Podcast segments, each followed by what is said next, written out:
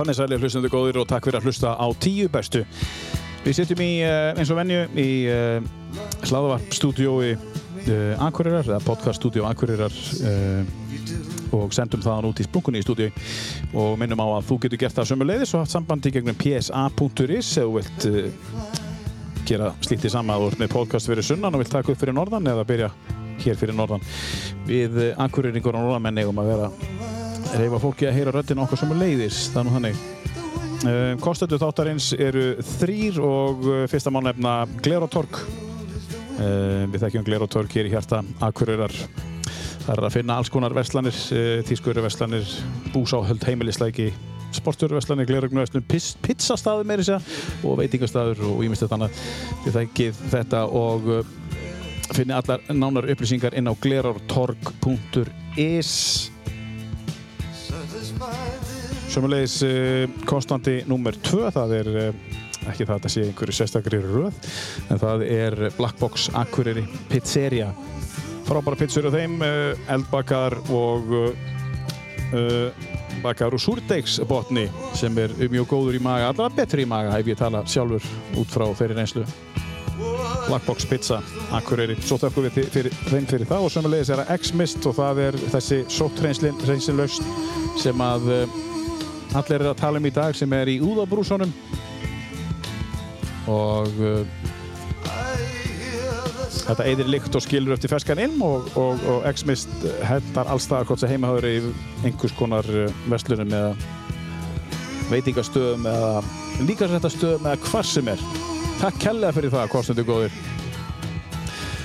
En uh, viðmælandi minn og gestur í dag er uh, Marta Nordal, leikússtjóri Leikfélags Akureyrar. Vertu kærlega velkomin og takk fyrir að koma. Takk fyrir að bjóða mér. Hvað segir í dag? Það er ekkert annað hægt. Uh, bara allt gott. mjög gott. Sólinn skín, sko. Já. Marta er nefnilega, hún, hann langar að fara á skýði. Já. Og, og, og hana, hún ætlar að fara beint í fjallið eftir auðvitað. Já, ég ætla hvort ég, sko, hvernar ég fæ leiði frá leikúsuna að fara, vegna þess að það er svo mikið að gera, við erum alltaf undirbúið frumsýningu, þannig Já. að það er bara all logandi í í vinnu og svona þannig að ég kannski kemst ekki fyrir en ég, fyrir en ég sé svona fyrir endan á því sko þannig ég tjekka á þessu Hvað eru það að sína núna? Segð okkur hvað er í gangi? Sko við erum að sína núna síningur enda sem er komin bara stað sem er, við þurftum að flytja nýri hóf Já. vegna þess að það var svo mikil aðsókn og líka ný leikmynd að koma inn það er mm. hérna gamansýningin gaman revíjan eh, fullorðin Já það er svona sketsasýning sem er svona nútíma revija og er bara um það að vera fullorðin hvað það er erfitt. Og, hérna, og rosalega fyndin og skemmtileg svolítið já. svona eins og áramótaskaup. Já, ok. Hérna, Svona sketsar bara? Já, svona sketsar og bara þau gera grína öllum og hérna, gera grína því að vera miðaldra og maður þekki sjálf hann sér svolítið í þessu. Og fólk bara öskur uh, hlær þarna í salnum og við frumsyndum hana í Eh, samkómúsinu mm -hmm. svo bara er hún eh, nýtur hún svo mikill að vinselda þannig að við fluttum hann nýri í hóf mm. og bara það er rosa gaman það er ofsalega skemmtilega viðtökur og fólk er að koma hérna bara aftur og aftur og, mm. og svo erum er við núna sagt, að undirbúa aðra síningu mm. sem heitir Benedikt Búalfur og hún mm. verður frumsýnd núna upp í leikhúsi bara eftir rúma viku Já, ok þess vegna fluttuði og, og eru að undirbúa núna gamla góða leikhúsi fyrir Benedikt Já, já. nú er bara, hérna, erum við að loka metrónum og já. leikmyndin komin upp og, hérna, og þetta er náttúrulega barnasöngleikur og bara algjör ævindir heimur með alveg ótrúlegum stjörnum í hlutverkum Hver er að leika í, í Benedikt? Átni Beintitt, hann já. leikur Benedikt og hún, mm. hérna, Þordís Björk Þorfinns, hérna sem er í Reykjavíkudæturum hún leikur Díti Mannabann Svo erum við með Björgvin Frans. Já, hann er alvakongurinn, hann var nú einu sinni Benedikt í gamla dag já, Vala Guðuna hún er að hérna, syngja alvadrottninguna við erum með Kristin Óla Króla. Króla sjálfan, Króla sjálfan í Tannálfinum Byrnu, Byrnu Pétur sem er að leika í fullorinn algjör snillingur. hún er, þarna, hún er sagt, dregin og svo erum við með Hjalta Rúnar Jónsson. Hann er, hérna, hann er Jósafat og Sölvasúri Þannig að, já, þannig að þetta er alveg rosalega flottir, flottur hópur og alveg já. frábæri söngvarar. Þetta þarf flotta söngvar í þetta sko. Já, og þau eru búin að vera undirbúið þetta svolítið lengi eða ekki, er ekki búin að vera hérna síðan bara í byrjun ás eða fyrr? Jú, eða, sko, þau, við erum búin að vera að æfa hvað, við byrjum nú reyndar ekki að æfa núna fyrir bara eftir áramót Já, uh, Benedikt, en svo eru náttúrulega Birna og Átni og já, og, og, Og Vil, Villi. Vilhjálmur, þau Já. eru búin að vera í fullorinn. já, Þannig að Átni er búin að vera hérna svolítið. já, hann er búin að vera hérna og þau voru náttúrulega líka í tæringu Já, sem var hérna í samstarfi við hælið Já. í haust, þannig að þau, já, við erum búin að vera rosalega aktíf hérna í COVID-in já, já, ég ætlaði að spyrja að það hefur ekkert verið að þreyja af hjá okkur eða sleið, Nei, sko, við, við hérna sagt, fórum í tæringu þegar það voru bara tíu sem komist þar að og allir með grímur, það var alltaf pælingin Já. þannig að hún smett passaði svolítið inn í það ástand, sko og við gáttum sínt að meðan engin annar gætt sínt Það hún var ekki sniðin beint fyrir ástandi heldur. Nei, hún bara, það var bara Passaði bara. Já, Já, bara verið að fjalla um smittsjúdóm inn í þessu öllum Já. þessu ástandi, þannig að þetta var Já. ótrúlega tímasetning þannig að við gáttum sínt alveg bara, ég veit ekki, 27 sýningar eða eitthvað að henni Vá. svo hérna svo var það þannig að við frestum allir með að hérna, sína skuggasvein Já. í november að því það er 100 ár frá dauða hans Mattiasar og þetta er náttúrulega akur er skaldið Já, og við ætlum að fyrir sína hann 11. november á ammælinu hans en við ákvaðum að fresta þeirri síningu af því hún er svolítið stór. Já. og þá kom Willi og Birna komið með þessa frábæri hugmynd. Þau gengum með í maganum þessa sketsasýningu fullorinn Já, þetta er svona hugmynd frá þeim. Já, já. þau sögðu bara ok, við erum hérna með litla sýningu bara þrý leikarar, rosa lítil hérna, og við þurfum ekkert marg, þú veist Það verður ekkert úr þessu. það. Verður ekkert úr þessu, það verður bara eitthvað lítið og sætt og, Já, svona. og við bara, já, tökum hana í staðin Já, þannig að við hérna, svo náttúrulega vorum við í svona, þetta ástand var svolítið erfitt að þurfti svona, æfingatíma var lengri en við áttum vona út af því og svona. En við gáttum byrjað að sína hana til dæmis í, við svona forsýndum hann í desember og þá vorum við með allar þessar fjöldatakmarkanir en við e, tókum sjensin á að prófa að sína hana fyrir bara, þú veist, 30-40 mann sem við máttum ekki hafa fleiri með grímur og allt þetta. Og það gekk bara rosalega vel. Þannig að þá gáttum við bara en síðan hafið þið bætt við núna nú eru... Já, nú getum við bætt við áhörundu, nú bara með þess regla á milli, Já, þannig að við getum haft miklu fleiri. Já, og þá náttúrulega í svona sýningu, veist hvernig þetta er, þú ert að horfa þetta hálgir farsi, já. að þá náttúrulega er, þú veist, það smitandi að vera með fólk í kringu, það er svolítið erfisundum, þú þarft að vera að hafa sjálfströst þess að hlæja, skilur einn er rétt. þannig að þó, þó að það hafi gengið ótrúlega vel, þannig að núna er miklu meiri svona, En þessi hóværi og þetta hóvara par Birna og, Villi sem komið til með þessa hugmynd þannig einhver tíman og sögðu þetta verður bara eitthvað svona, eitthvað kósi þetta sprakkurinni fullorinn e, sprakk út algjörlega, já. og hefur slegið gegnirinni alveg slegið Já. gegn, að því ég held sé bara þau eru náttúrulega bara þrjú svo síkalega fyndin. Og Birna og, og Willi eru náttúrulega bara rosalega vel ritfær og hafa mikið, mikið, mikla tilfinningu fyrir því að bara skrifa, finna texta og hérna við fengum unga leikstjóra líka sem að eh, ég, við vorum tvær sem leikstýrðum þessu en hún svona byrjaði og svo, svo kláraði ég að því hún þurfti að fara. Að því að æfingatími var svo langur en Hekla Elisabeth sem er búin að vera líka í svona stand-up og þannig að þetta voru svona miklu húmorista sem komið þarna saman. Og hérna og þetta er svona, ég segi, þetta er, þú veist, ég meina hvað segiru, meina mið, miðaldra, miðaldra fólki sem er að ganga fimmvörðu hálsinn og taka selfie á toppnum og, og er í hjóla, hjólaklubnum pæjurnar og, og skilur allt þetta rosalega miðaldra sko, hvað, hérna, og það er hana, uh, alls konar fyndni sketsar eins og námskið í, því að vera fullorðin hvað þú þarft að vita. Já. skilur þú þarft að læra þetta allt saman til þú getur talist fullorðin. Já. og alls konar svona skemmtilega En ekki eru þau tvö neitt beint rosalega fullorinn þau, Nei, nei, en svo þau er allt eru, þetta fólk bara, þau eru sko, Já. Allt frá því að vera hvað, 26 ára yfir í Já. 32 eitthvað einmitt, er ekki, þau eru ekki eldri en það sko. Nei, ekki heldur það. En, en, en hafa hæfileikana til þess að geta sett sér í þessi spór sem er alveg Já. einstakt. Hafa bara svona næmt auða fyrir því Já. fyndna sko, Einmitt, já, já í manneskinni Já, það, þau hafa greinilega, já, þau, þau, þau pæla í manneskjunni og Já. sjá allt uh, þegar hann, en það er nú Villi og Birna vann á N4 líka og, og, og Villi er þar núna og taka viðtöl og það er ástæða fyrir því að þetta er hæfileikaríkt fólk Mjög mjög heppin. Eh, Benedikt Búalur verður frumsýndu hvað núna bara næstu dögum, Vi, við sitjum hérna núna hvað, 20. og 5. 4. februar Já, hann er bara frumsýndur á lög, annan lögadags hvað er það, 7. mars eða ekki? Já, Já, 7. mars aðeinslegt og spennt. Ó, rosalega spennt. Og það er rosalega eftirvænting fyrir þessu verki af því að Já. sko þessi Benedikt var, hefur bara áður verið síndur einsinni Já, það var hvað, 2002 eða eitthvað? Og þá hérna og, þessi tónlist er náttúrulega eftir Þorvald Bjarnar Já, Þorvaldsson. Og einmitt. hún sló bara svo rosalega í gegn.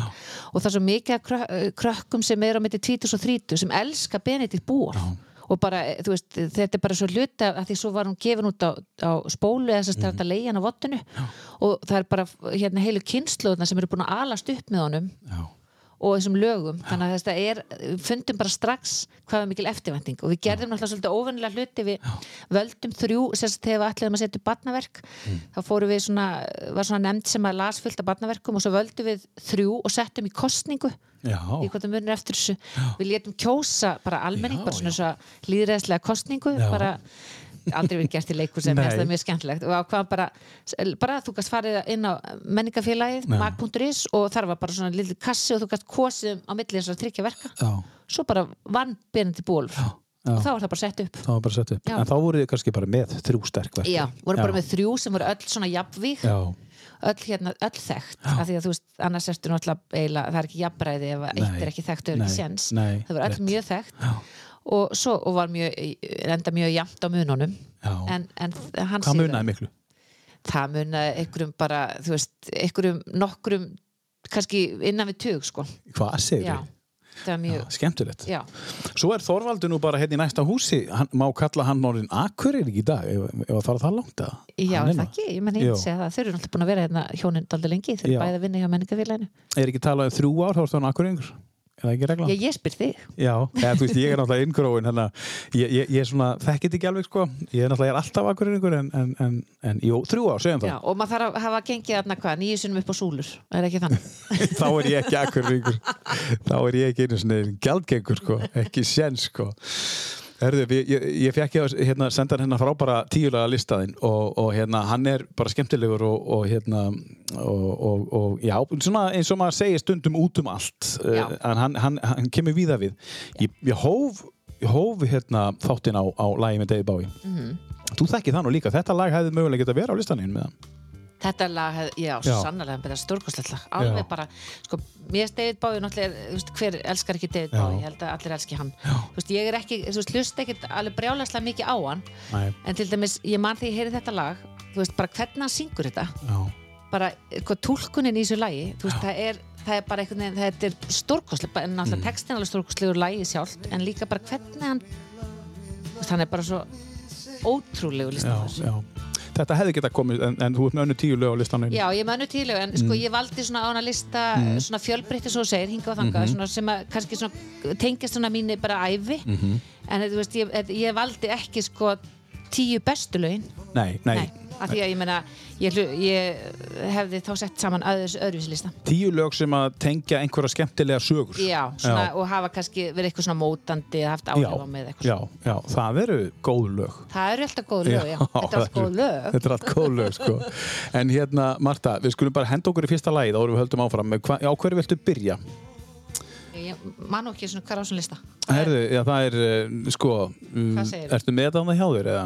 Eh, Það er, app, við erum hérna Já, byrju bara Abba. Já, ef að byrja, ef að taka bara lag 1, 2 Þannig að við séum ekki að gefa listan. Já, uh, þetta, til dæmis, ég, já. Já, Spila það bara, svo bara ræðum við þetta. Já, þetta lag hérna Já, já, Já, já, að eða það, eða tölum við með Já, já, förum aðeins nýða og segja okkur aðeins af hverju þetta lag Já, með ABBA. já.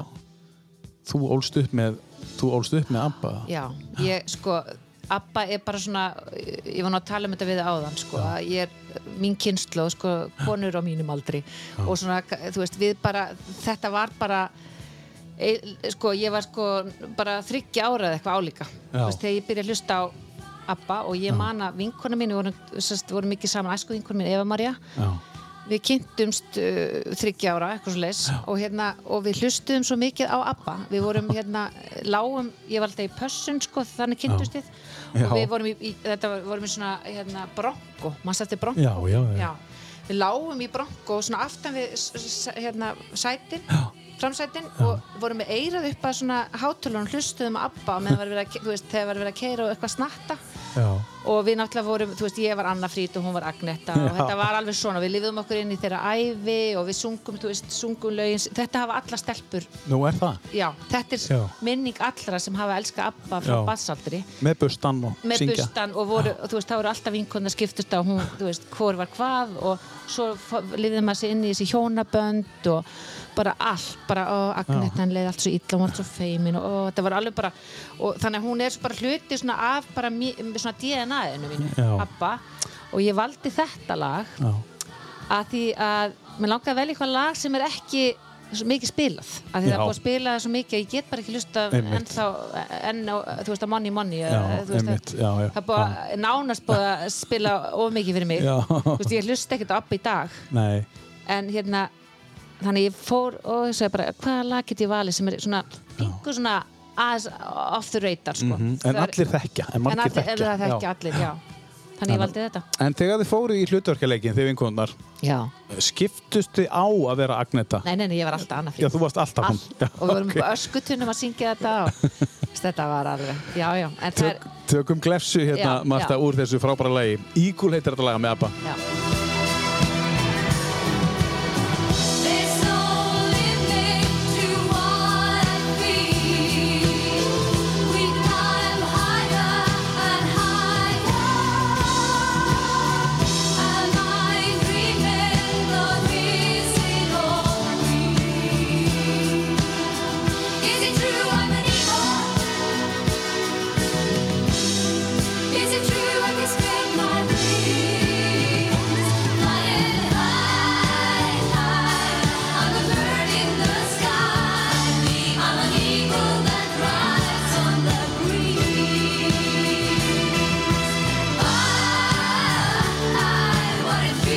stemming í stúdíu á mér og Mörtu Nordal hér í tíu bestu með fyrstaði á listanum hennar og það er, eh, það er eh, fjór eikið Abba frá eh, Sverige Já. sem að syngja Eagles kantu sænsku. nei, Nei, og er aldrei búið, aldrei búið í Svíþjóð en hefur verið búið ellendis. já, ég, já, já, ég búið sko eftir mentaskóla þá var ég bara, það var nú reynda mjög algengt og er örgulega ennþá að krakkar færi þá aðeins til útlanda bara svona að læra eitthvað tungumál og eitthvað Já. finna sig. Já, já var svona útskriftar Já, já, svona, þú veist, ég ákvað að fara til Spánar og var í eitt ár í Madrid. Já, hvernig bara var að það? leika mér, sko. Óttalega fýrbælskapur Og Hvernig var það? það var stórkostlegt. Og ég hérna kunni ekki stakt orðið spænsku því ég fór út. Nei. Og bara lærði spænsku og kynntist fullt af frábæri fólki og, svona, og þá svona ákvaði ég þegar ég var á Spáni svona, þá svona staðfesti ég með mér að ég, ætlaði leiklist ég var alveg búin að, Mm. það var búin að draumi mjög lengi en, en það var svona alltaf svona mm, er þetta sniðið þetta að fara í þetta, þetta, þetta en þarna ákvaði ég það Ertu svona, svona, svona skinsum Já, í grunninn? Og það hefur stundum svona stoppað þig eða hvað? Sko- Ég taka svona svolítið Svo djarfar, já, djarfar ég hugsa að geti alveg, já, en sko, svo er ég nefnilega, ég skinn sem er svo er í rosalegu svona sveimhugi og, og svona mikill svona draumaramannskja, ok. Þú veist, og ætla fiskur, sko, Já, ok.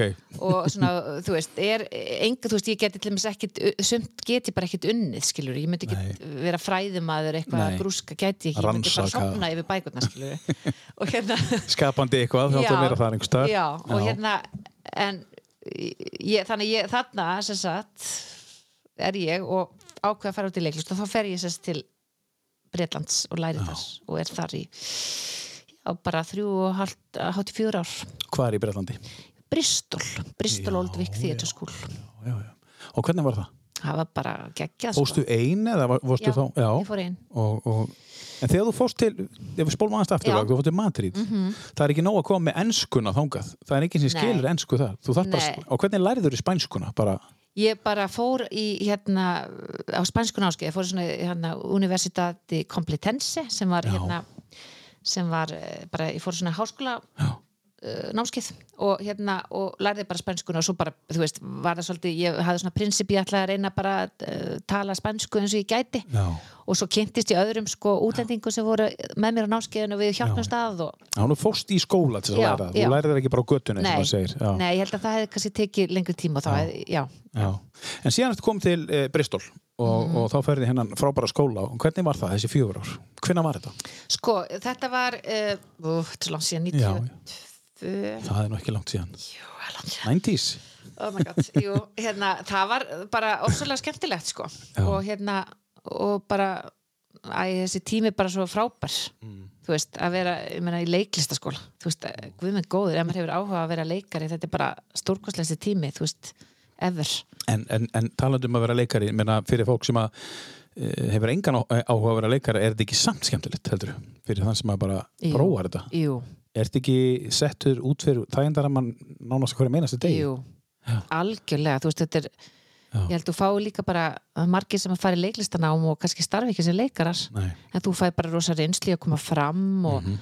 og bara svolítið sjálfstekking sem fælst í þessu líka þú veist, þú ert að vinna rosalega nái með fólki og þú, þú veist, og í alls konar aðstæðum sem að, þú veist, þarf það svona blo, þú veist, blotta þig, þú þarf einhvern veginn Já, að opna, opna tilfinninga þínar og já. sína alls konar hliðar og það er bara rosalega lært um sér, Já, þroskandi já. Og, og allir fá gott að því. Já, ég myndi halda það að það sé bara alveg frábært sko. Þetta er svolítið líka svona að vera í leiklistaskóla og í leikhúsi er svolítið að leika sér Já, veist, þú leik. já, þetta, er svona hlutverkarleikur, ég meina þú þarf að virka ímyndunaraflið, það er alveg bara já. dýrmætasta gjöf leikarans er ímyndunaraflið En það getur nú verið krefjandi fyrir suma sem að bara segja að þetta hefur verið að erfiðasta sem þeir hafa gert að þurfa að gera þetta að þurfa að opna sér svona. Það eru margir sem verið svo ofbósta að og það Já. er svona ekki alveg tengtir tilfinningunni sinum jafn mikið og kannski þú og aðrir eða þeir sem að vilja læra leiklist Já, sem eru bara svona, þetta er bara erfiðast sem ég gert veist, og og hafa þá komast í gegnum það? Nei, bara fór ekki dýna á mig Nei, út af því. Já, út af því, sko Sko leiklistaskóli getur í vissum tilfellum hjálpa þarna. Já, þú veist að, að því þarna er náttúrulega ymmit, þú þarft að opna tilfinningar. Já. og sumi, þú getur verið lokaður en samt opna tilfinningar á sviði. Já, já. þú þarf bara að hafa aðgang að þeim. Mm, og hafa tæknilega aðgang að þeim. Mhm, að því að svo, getur verið með leikara sem eru rosalega lokar og veist ekki um það og þeir hleypa þeir aldrei að sér en þeir á sviðinu, þá opna þeir. Já, þá er þeir annar, annar persóna Já. og þetta, er, þetta fjallar ekki um þá sjálfa heldur Nei. um hlutverkið Já, og, en, en auðvitað hafa leikara mis góðan aðgang að sínu tilfinningum Já. svona á sviði já, já og það er rosalega mikil gjöf Mhm. og okkar bestu, ef maður horfir á okkar bestu og stærstu leikarar Mm. það eru þeir sem hafa þennan aðgang Mhm. og hafa það bara, þeir geta bara kveikt sko, Já, og svo slögt og Já, og, og, með því að kveikja þú veist, þá faraði beintin í hjarta á þeir Mhm. Og þetta er, þetta, þetta er sko algjör þetta er dýr, mjög, mjög dýrmætt En er þetta eitthvað sem hún lærir? ég held að sé ég held að sé sko flestum tilfellum þá er þetta eitthvað sem þú hefur. Já, sem þú bara, þú hefur hann aðgang. Já, Eh, það er erfitt að kenna þetta. Já, þú kennir ekki, leik, þú kennir ekki mannesku að leika. Nei. Skilur þú getur kent henni tækni til þess að þú veist, að Mhm. stýra þú tækni bara til þess að vinna með sína hæfileika. Mhm. en leikari þú, þú fæðist með henni hæfileika. Það Já, er bara þannig, en þú getur svo sannarlega komin í leiklaskóla og verið með henni hæfileika og verið bara út um allt skilur, Já, og svo já. það bara temja þig Já, já, og allt það, já, já. Eða hjálpa þér í vissum tilfellum til þess að, að hafa stjórn á og svona Já. tæknilega að, að ganga ekki á þig og svo frammeins En núna er svolítið mikil, uh, þú veist, öll þessi störf sem eru búið eru svolítið mikið sem bjóða upp á þetta. Uh, að þú getur, að, að, að, þeim betur sem þú þekkir sjálf hversu góð presentation er og framkomaðin er, þeim en betur gengur er í vinnunum. Þannig að þá er ég að spóla tilbaka, myndir þú segja, hver er þitt mat á til dæmis að opna og fara út fyrir þægjandana á að kenna þetta í grunnskólum meira, á að taka svona leiklist, leiklist, veist, og bara leifa krökkum að bara gera eitthvað annað en fara út fyrir bókina. Já, Já. ég held að skapandi hugsun sé alveg, þú veist að þetta er bara skapandi. Já. Skapandi, hérna það er svo margir krakkar sem hafa ekkert þú veist, sem bæði eh, eru ekkert eh, góða bókina eða skiluru, bara, Mhm. Já, já. eru bara öðruvísi þengjandi, Já, þú veist, og hafa einmitt. bara aðra hæfileika og finna því, eiga, finna því ekki endilega farveg Nei. sínum hæfileikum innan þessar stranga skólakerfis Mhm. þú veist, það sem alltaf verið að einblína á villurnar Já, einmitt. mistökin Já, og bara ég getur verið svo niðurbrjótandi og hérna og þe þeir krakkar geta fundið sér bara í veist, myndlistinni eða Já. í leiklistinni eða eitthvað. Það er eitt. Já. og þar getur bara fundið, þú veist, það er fullt en alltaf leikur sem hefði, geta, gátt ekkert í skóla skilur Mhm. þú veist, e- e- þe- þegar skólakerri sem er skilgreinir þig hvort þú sérst hæfur eða ekki, sem er bara ótrúlega þröng skilgreining. Já, en eru bara blússandi hæfileika fólk, algjörlega. og hérna síðan, uh, síðan er það líka það að leiklistin getur líka bara hjálpað bara venjulegum krökkum sem eru ekki að vera í leiklist eða hafa kannski engan á, þannig áhuga en geta hjálpaði bara Já. að öðla sjálfströst Það er einmitt það sem ég Já. að koma inn á, að bara, það hjálpar þér, hlýtur að Já. hjálpa þér. og við erum að sko reyka leiklistaskóla í hérna hjá Ella og þar eru hátt í hundra nefnendur Mhm. og okkar stefna er að hleypa öllum að þú veist, þetta er ekki snýst ekkert um það og setja gæðislega góðu leikari Nei. heldur bara að við erum bara að byggja þau upp sem bara gefa þér eitthvað bara svona að þannig er allt mig máttu vera alls konar. Já. og það er, engi, það er ekkert eitthvað sem heitir mistök. Nei, skilur þú gerir þetta bara svona. Já, þú er ekki eitthvað svona, þetta á að vera svona. Þetta er bannað, Mhm. þetta er rétt, þetta er, það er ekki þannig.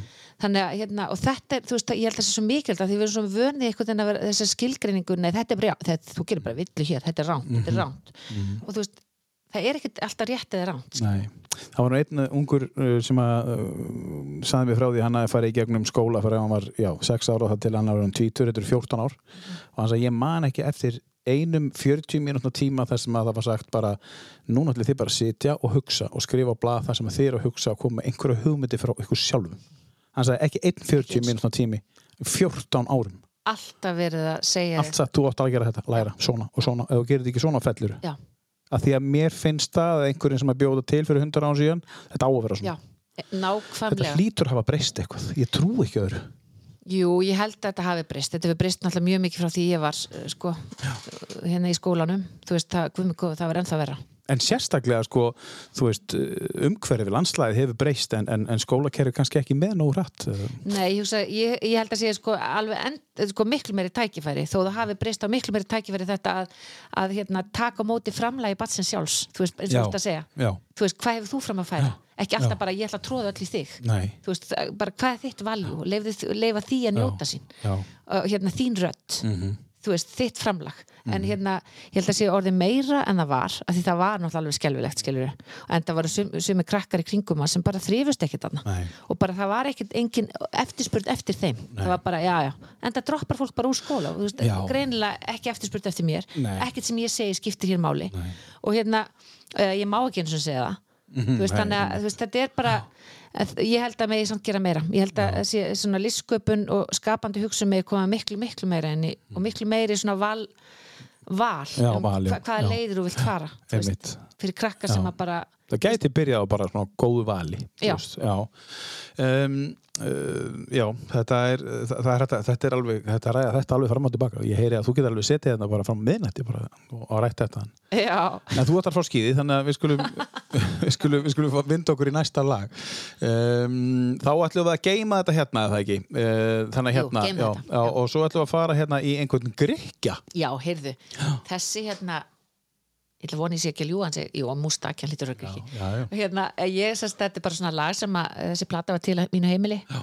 og sýstu mín var eitthvað að hlusta á þetta ég veit nú ekkert hvað nú kom þessi kom þessi plata, en þetta er eitt lag, ekkert annað lag hérna sem ég hef hlustað á, en þetta lag hef ég hlustað á æ síðan og við ykkur alltaf með mig mikla hlýju Já, er eitthvað svona, er Já. bara eitthvað svona, er bara eitthvað svo minnst það bara svo gekkja lag já. Um, á ég að prófa uh, lögduma. já, eitthvað svo leis Já. Þetta er sungið á, á grísku eða, eða fransku? Já, það kemur í ljós. er ekki fransku, Það er fransku, já. já. jú, fransku Hlustum það aðeins sé á. ekki fransku grík Já, geti verið. George Mustaki Já. á listanum hennar Mörtu Nordal. C'est un chien qui aboie, c'est un oiseau dans l'air, c'est un tronc qui pourrit, c'est la neige qui fond, le mystère profond, la promesse de vie, c'est le souffle du vent au sommet des collines, c'est une vieille ruine, le vide et le néant, c'est la pie qui jacasse, c'est l'averse qui verse des torrents d'allégresse, ce sont les eaux de Mars, c'est le pied qui avance, à pas sûr, à pas lent, c'est la main qui se tend, c'est la pierre qu'on lance, c'est un trou dans la terre, un chemin qui chemine, un reste de racines, c'est un peu solitaire, c'est un oiseau dans l'air, un oiseau qui se pose, le jardin qu'on arrose, une source d'eau claire, une écharde, un clou, c'est la fièvre qui monte, c'est un compte à bon compte, c'est un peu rien du tout, un poisson, un geste, c'est comme du vif argent, c'est tout ce qu'on attend, George Mustaki, Lux de Man heitir þetta lag uh, af plötunni Le Voyageur. Uh, yeah. Það er alltaf gaman að fá svona lög og fá að kynna því.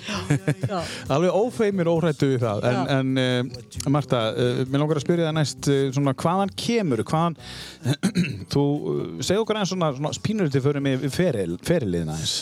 Já, ég er sérst úr Reykjavík Já, og aln upp í Laugardalnum í Reykjavík. Og er bara úr mjög stórum sískinahópi, yngst og sagt, þannig eins og þetta lag og svona sumt kemur svolítið frá þeim. Já, já, sem það er sýst, sýsturna voru eitthvað að spila og ég einhvern veginn sogast inni og svona Já, já, sem krakki.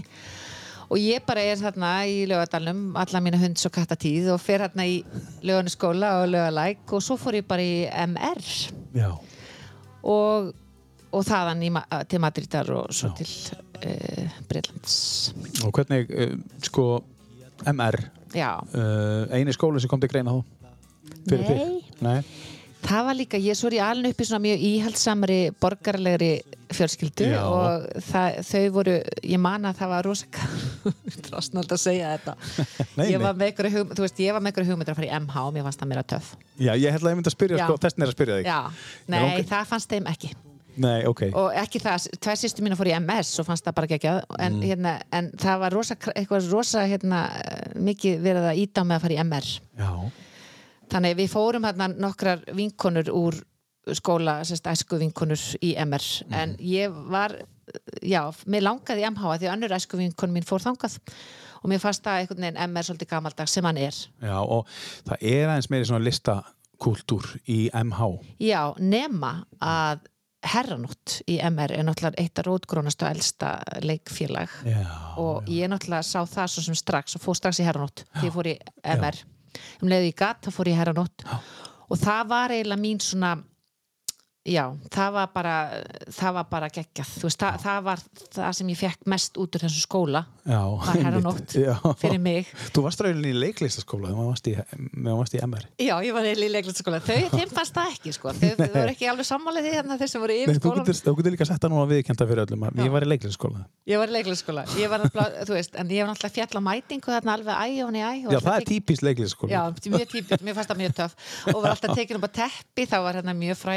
og Já. Já, rektor í skólanum, Ah. hætti Guðni rektor Já.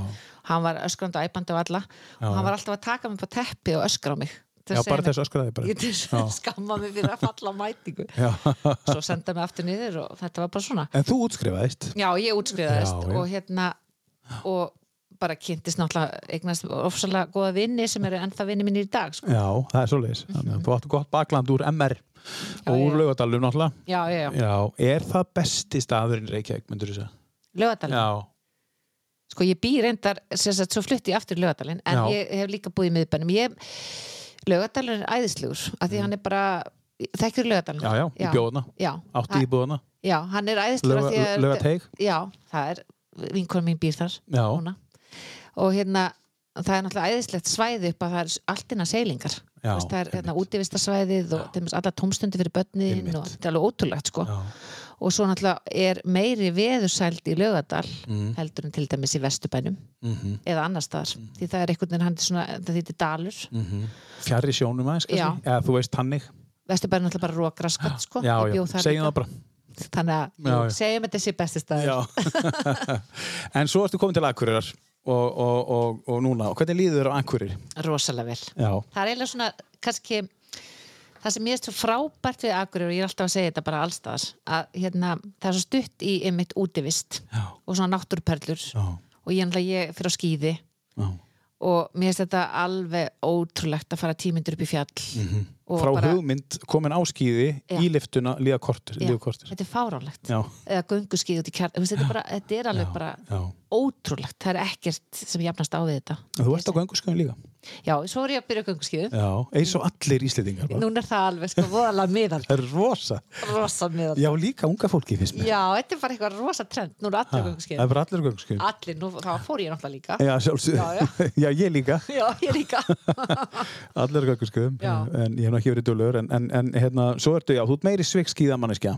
Já, ég verð lengur í því en ég sé alveg fyrir mér að gönguskíðin komi stert inn sko. Já, og er bara svona að venjast þeim og, og hérna og mér það bara svo fer ég bara í vasagönguna þetta já sjálfsögðu 90 km já, já, og já, svona og verð bara rosa mikið Það er í engin þessu. markmið þarna, Nei, engin lítil markmið? Engin lítil bara strax taka beint í vasa á næsta ári? já, já, um, en, en sko um, munurinn, uh, þú ert, varst að æfa skíði skíði. Nei, en hvernig var þetta eins og til og lögadalum að fara á skíði? Þá, þú þurfti bara að þryggja þetta fyrirvara þú veist að undirbúa þegar þig. ég var byrja á skíðum þá var ég gegnum vinkuna mína sem að, að því að það er ekki skíða fólk í minni fjölskyldu. Nei, en eh, hún, sagt, þau fóru mikið á skíð og tóku mig með. Og það var, þetta var nú í kringum 80 og eitthvað 80 Mhm. og þá var alveg, manni bara eftir svona brjálæðslega góðu góðum dögum í bláfjöllum. Já, svo bara datta svolítið niður en það var á þessu tímbili, var, við, vorum, við fórum oft eftir skóla. Já, sótt okkur bara skólan og ég man eftir að maður var bara með spiklakleirugun og bara svona kaffibrútn og já, já, í hérna stressbuksunum og bara, Já, já. skilur en, þa- en ég held að, já, í stretchbuxum já, Já. maður ekki þetta Ingmar Stenmark já, tímabili með svona já, með svona, já, já, gíslega flott maður. Já, og með svona, þú veist, prjónahúna hérna, þú veist, Já. svona, maður ekki eftir jú, jú, ég var alveg bara norska munstrinu, já, já, já já, já, einmitt, það er rétt. Bláa og hvítu já, hérna húðunar já, já, og gíslega flott. Og þá, hérna þá var, já, við fórum bara eftir skóla, sko. Nei, það var ekki hjálmar, það var ekki örgspelt heldur. Ekkert, það þurfti ekki þá, nei, nei, nei, ekkert. Það er margt breyst. Margt breyst, jésús minn, já.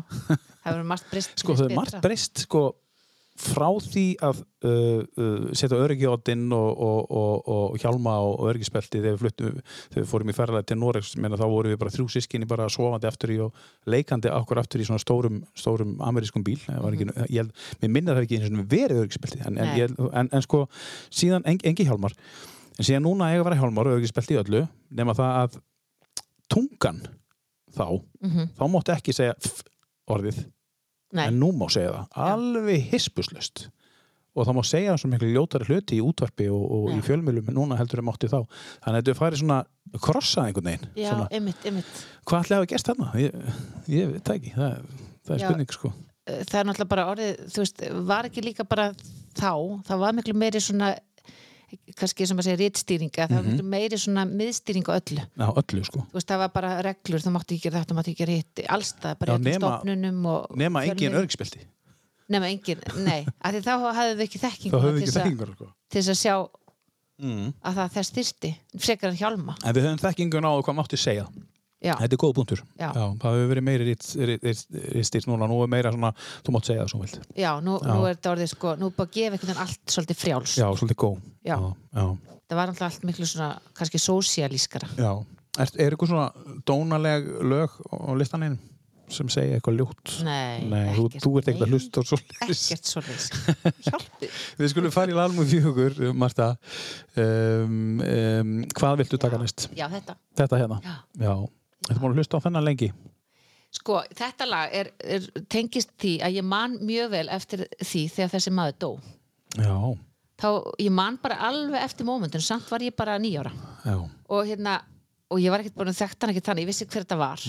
Og ég man bara, ég kom heim úr skólanum og það var bara John Lennon og skotin. Er, Þú veist, það var bara, minn góður, þú veist, ég með þess að, ég bara já. gleymis ekki. Það er svona fyrsta, var svo fyrsta fráfallið moment. eða svona fyrsta Já, mómenti sem, já, sem, sem einhver svona frægur deyr og já, líka sem bara snerti þig Já, og svo held ég kannski bara áhrif maður skinniði bara áhrifin sem þetta hafði á alla kringu sig þetta var bara rosa moment, bara guð minn góður Já. Já, og þá var bara snarhast kipt þessi plata sem var nýjasta, þessi platanans já, sem hann gerði með Ono já, er þetta af þeir, eða þú veist, Já. já, og, Double þetta, og Fantasy. þá sp spilaði með þessa plötu bara út í eitt. Já, og, og, og, og svo deyr hann og þetta er náttúrulega, það gæti ekki vera svona fallegra, sorglegra lag eða svona sem tengir við þetta. Nei, einmitt. Örugglega margir sem tengja mitt við þegar Já. hann dó ég held það, við þetta, Við þetta lag, lag, já. þetta er alveg bara, já, besta lagið, eða eitt besta lagið af plötunni. Já,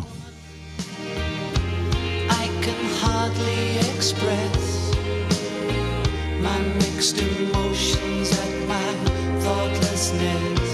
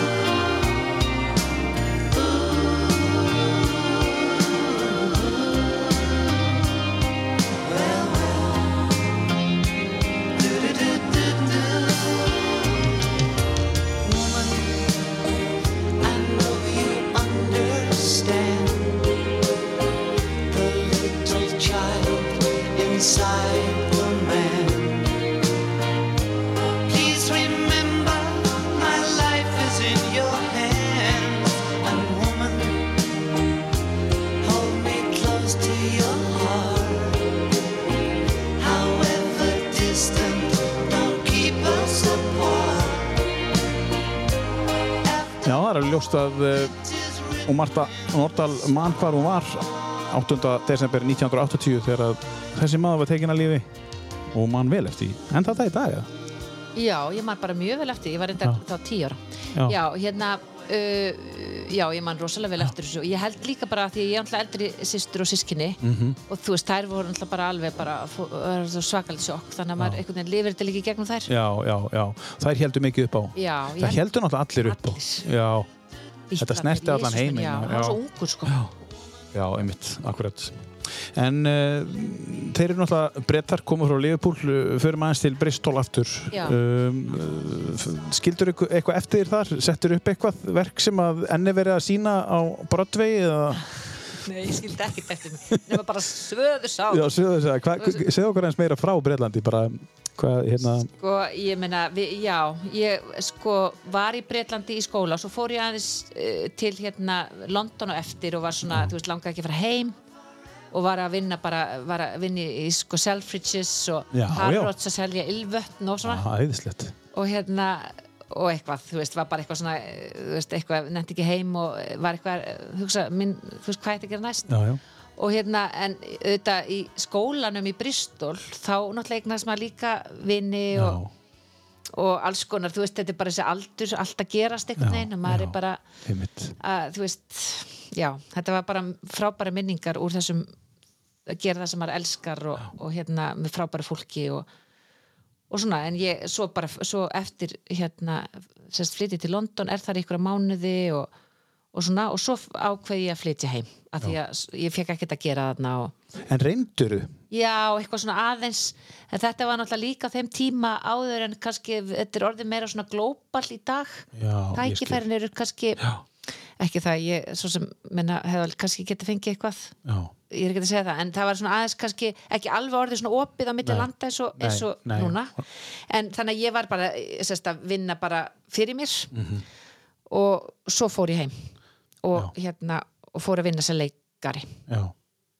En þú uh, talar um þetta, nú, nú náttúrulega búið að opna fyrir eins og til dæmis að menn og konur geta bara tekið ástur heim í stofu og sendt Já. í, í, í, í sko inntöku Já, og, líka, já, og líka bara kvikmyndir eru Kvikmyndir. alþjóðlegri Já, í kasti heldur en það voru. Þú veist, það var, maður þurfti að tala náttúrulega bara rosalega góða ensku og til þess að hafa sjens, skiluru núna er þetta orðið miklu meira svona multilingval og Mm. allt miklu meiri opnara bara á allt. En þegar maður lærir ellendis, ég meina, er þá ekki hugurinn bara, vá, ok, þú veist, hvenær fæ ég mitt fyrsta breykin út, þú veist, ég meina, ég er að fara að taka þátt í öllu, bara ég hlýta að fá eitthvað, er ekki svolítið svona, Jú, jú, en, það var já, það er það ekki svolítið bara Jú, auðvitað, hefði maður langað til að vera eitthvað aðeins lengur út og fá eitthvað að gera Já, en, hérna, sem þú hefðir geta gert eins og þú segir. Já, kannski, maður veit ekki. Nei. en ef ég hefði kannski verið ennþá lengur en Já. ég, hérna, svo bara var dýrt að vera í London og, veist, og ég var hérna náttúrulega að selja ylvötnin og það var ekkert, rosalega hátt laug, Nei. ég get ekki sagt það. Voru þetta svona vond ilmennu? það var svo rosalega vondir gefti enginn á mig Nei, Nei, oft á prósentum. Já, hérna, nei, nei, þetta var alveg svaklega Nei, ég var alltaf bara láluna manneski Já, já. en, hérna, en það var alveg skemmtileg reynsla svona eftir á að hyggja. Og svo bara þannig að ég dreif mig bara heim. Já, og svo, og, og þú ertu þá búin að fá vinnu þegar þú kemur heim sem leikari? Nei, svo, svo fer ég bara heim og fer einmitt í uh, fyrir svona uh, þrefa fyrir mér og fer í pröfur fyrir skemmtilegt að segja frá því Já, fyrir leikla akkur já. og fyrsta starfi sem ég fekk var hér. Þannig að þú fluttir bara til Akureyrar. Já, eiginlega akkur og var hér í eitt og halvt ár og hvað varst það, í hverju varst að leika? Ég var að leika í Dýrunum í Hálskói Já, Svo var ég að leika í Vefarinn miklu frá Kasmín sem var sýnt hérna út á Rennivastæði af því það var verið að gera við leikhúsið. já, já. Svo leik ég líka í Hart í bak sem var líka hérna nýra á Rennivastæði. Já, já. þannig að þetta, og það, það var rosa gaman. Þá var náttúrulega leikfélagi sjálfstætt félag og var hérna bara í, sagt, með sitt eigið. já. Og þetta er ekki einhverjum hvað, 95, 95, 6, 94, Þetta er 96 og 7. 96, 7, já. Þá ertu hér. Og svo ertu hér í eitt og hálft ár og ferð síðan á samning fyrir sunnanni hjá... Já, svo fer ég að leika í býtunum við, í borgarleikusinu Já, og er þar í ykkur ár, svo fyrir hans í þjóðleikusið svo fyrir aftur í borgarleikusið já. og Er þetta svona eðlilegt að þetta vippir svona Já. bara? Hvernig virkar þetta? Færðu bara símtal, viltu koma yfir, ertu til yfir okkur næst? Hvernig er, Já. virkar, er þetta svona? Já, það er bara þannig að þú veist, eh, sko, þér er bara bóðið hlutverk eins og til dæmis það sem fyrir uh, krakka sem læra úti er erfiðara, þannig að þá ert ekki veist, þeir sem er í, í listaháskólum hér, veist, leikstjórar og leikstjórar fylgjast með þeim, sjá sýningar hjá þeim og svona Og segja bara þessi er. já, bara, að þessi er flottur, ég bjóða þeim já, flottur já. en hérna, en þegar þú kemur út þá þarfst að kynna þig einhvern veginn Já. þannig að þú þarfst að fá eitthvað starf setja upp eitthvað sjálfur eða komast eitthvað starf allir að fólk geti séð þig og ég sem betur fyrir komst náttúrulega yngað þannig að það var hægt að sjá mig og hérna Mm. og út úr, svona, út úr þessu öllu saman fæ ég tilbóðum um rullur í borgarleikusinu og svo vindur það bara upp á sig Já. eitt, eitt einhverju eða öðru og svo smá sem bara fer maður að kynnast öllum bransanum og Já, já, fær fleiri tækifæri og svona já, já. Og hvað varst að leika lengi? Þú veist, í mörg ár? Ég var að leika til 2007 Já. þá hætti ég að leika Mm. og fór að leikstýra Koma því núna eftir, eftir næsta lagi þá förum við kannski yfir hvað gerist eftir leiklistaferiliðin sem er reyndar ekki búinn. Það er allt opið, sko. allt opið Ég meina það er bara eitt símdal og... og, kannski bara fer ég að leika hérna í Heddu Gabler, ég menna hvað veit, hver Já, veit Hver veit? Nei, það er margt framöndan heyri og mjög spennandi hlutir. Eh, Við skulum fara eins yfir í hér eh, 2007 og hvað gerist þegar þú varst leikstjóri. En eh, eftir þá, hvað, ef að taka þetta? hvað, er þetta bortisett? Nei, nei, ef ekki taka það þá næst, af því Já. að tengist Bretlandi. Já, já, ég get hérna eh, þetta lag sem sagt Mm. þetta heyrði ég út í Englandi þá vorum við að sína einhverja síningu í skólunum og ég seti inn á kaffhús, háskólas kaffhúsi Mhm. Og ég heyri þetta lag og þetta er sko Bristol, Portisett er bara rétt þannig við Bristol Mhm. og ég bara, hvað er þetta, hvað er þetta ég var bara, Já, Porti seti staður. já, Já, ég held að það er bara hljómsut. nei þetta er bara þau skýra sig í höfuð og, Já, ok, vá, stað. ég og vissi það hérna og ég bara, hvað er þetta, hvað er þetta og bara fæði að vita hver þetta er og þá er þau að byrja og þetta var bara, þetta var bara mindblowing að heyra þetta lag þá, ekki. Já, þetta hérna. Já, það er enn mindblowing að hey- heyra þetta í dag. Þetta er. Já. eitt af þessum, já, hvað maður að segja. eitthvað- Þetta er áhrifarík plata Já. sem breytti pínulítið. það var þetta og Massive Attack Já, sem kom úr þessu sömu Massive Attack er líka það en hann rétt hjá Já, og það, það er og eitthvað það bara, kemur eitthvað snýtt sound eitthvað sound úr þessu. já, já, Ok, það þarf að rannsaka það eins. Mm Skulum heyra aðeins í hérna Portisett og, Já. og, og lagið Glory Box.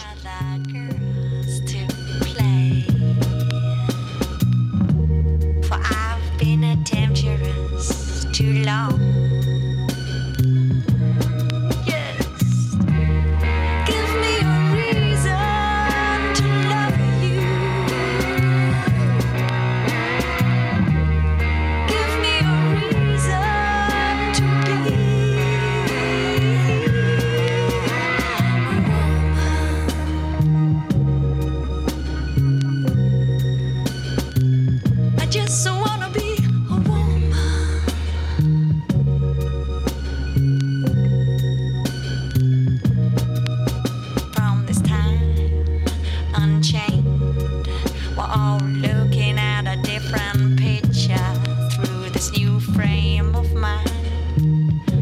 Söngkonu um, Portisett sem ég held að veri bara nafn á hljómsveit en þetta er staður í Breitlandi sem að Marta þekkir og þú þekkir líka söngkona Beth ekki- Gibbons. Já, já, ég á líka plötu með henni hún er frábær, Já, bara sól. sóluplata sko. Já. en þessi plata, þú átt hann setur, hvenær setur þessa plötu á? ekki, ekki oft en þetta lag já, eða sko ég valdi þetta lag bara af því þetta var lagi sem ég heyrði. Já, svo já, finnst mér fullt af flottum lögum við öðrum. Já. og líka setni lögum eftir þau. En ég hlusta ekkert mikið á þau í dag. Þetta er bara, þetta er svona ákveð tímabili mín í lífi. Hvernig, hvernig hlustar á tónlist og hvenar? Hvenar er svona mest hlusta? Sko, ég hlusti alltaf bara þegar ég er með bóð og eitthvað fólk Já. kemur og, og stundu bara þegar ég er að elda eða eitthvað sko. Og ég náttúrulega er algjör svona, þú veist, vini mín hlæja mikið að þessu, ég náttúrulega er svolítið svona disco og rosa svona Disco drottning? Já, svona soul disco, þú veist, ég elska allt þetta svona, þú veist, svona svarta tónlist, eða þú veist, ég er bara og líka svona disco danstónlist. Og að- sér? og ég í raun og veru er svona, það er svona DJ í mér það býr í mér DJ þú átt ennþá það eftir eða? Ertu Já, búin? ég hef eins og DJ-að Já, og ég og vinkonu mín, leik, önnur leikonu sem er þetta hægt að leika, við kallum okkur Russian Cocaine og hérna vorum á príkinu DJ-ið með svona frikinu af því að ég elska DJ þú veist, ég bara, ég, Já. þú veist og ég set saman playlista hjá mér sko og svo er ég í bóðum, þá er ég bara helst bara, er ég alltaf með mína playlista Já, og Já. fara að stjórna svolítið svona já, tónlist. já, já, bara, að hlusta á þetta lag, hlusta á þetta lag þú veist, ég er alveg svona sko. Kanta, okkur hljóðfæri?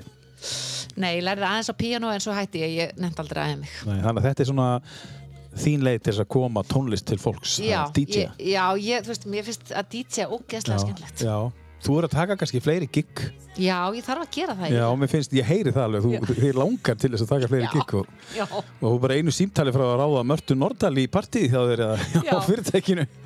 Hver veit? hver veit Hver veit hver DJ er í, á ásatíð leikfélags Akureyrar á þessu ári sem verður risastórt verður ekki haldið eitthvað, er ekki haldið ásatíð? Já, hjá menningafélaginu. Já, það hefur stundu verið gert svona, já, ásett, já, Mm. já. Þetta Sem ekki verið þar að setja upp Það pæn og greiða svo svo, svo er fólk stundum að skipta sér að og eitthvað, vill, þú veist, eitthvað fara að ráða, sko. Ég- Já, nei, þú- Nei, það gengur ekki. Það gengur ekki Herri, við erum komið til ásins 2007 Þú varst að segja okkur að þá var leiklistar uh, sko, þá varst að hætta að leika Já. og, og snýri að því að fara að leik Stýra. stýra Mhm. Segja okkur hvað fyrsta verkið sem þú tóst sem leikstjóri Já, ég leikstýrði verki sem heitir Físt Já, og er eftir uh, Þórdísi Elfið Þorvaldsdóttur Backmann já, og það var svona frumraunni mín í borgarleikusum. Mhm. Svo stopnaði ég svona minn eigin leikhóp og við settum upp, uh, ég og Edda Björg Egilsdóttir, Mhm. settum upp fullt af æðislegum svona avantgard, svolítið svona nýstarlegum sýningum og eitthvað sem, að, eitthvað sem að við munum eftir við til dæmis, já, öll, við komum reynda með fjallæfin hingað Já. til Akureyri í smá já. en svo var til dæmis sett um ofsa eftir eina kára Mhm. og þetta voru allt svona dálítið flotta sýningar ég er mjög stolt af þessu tímbili Mhm.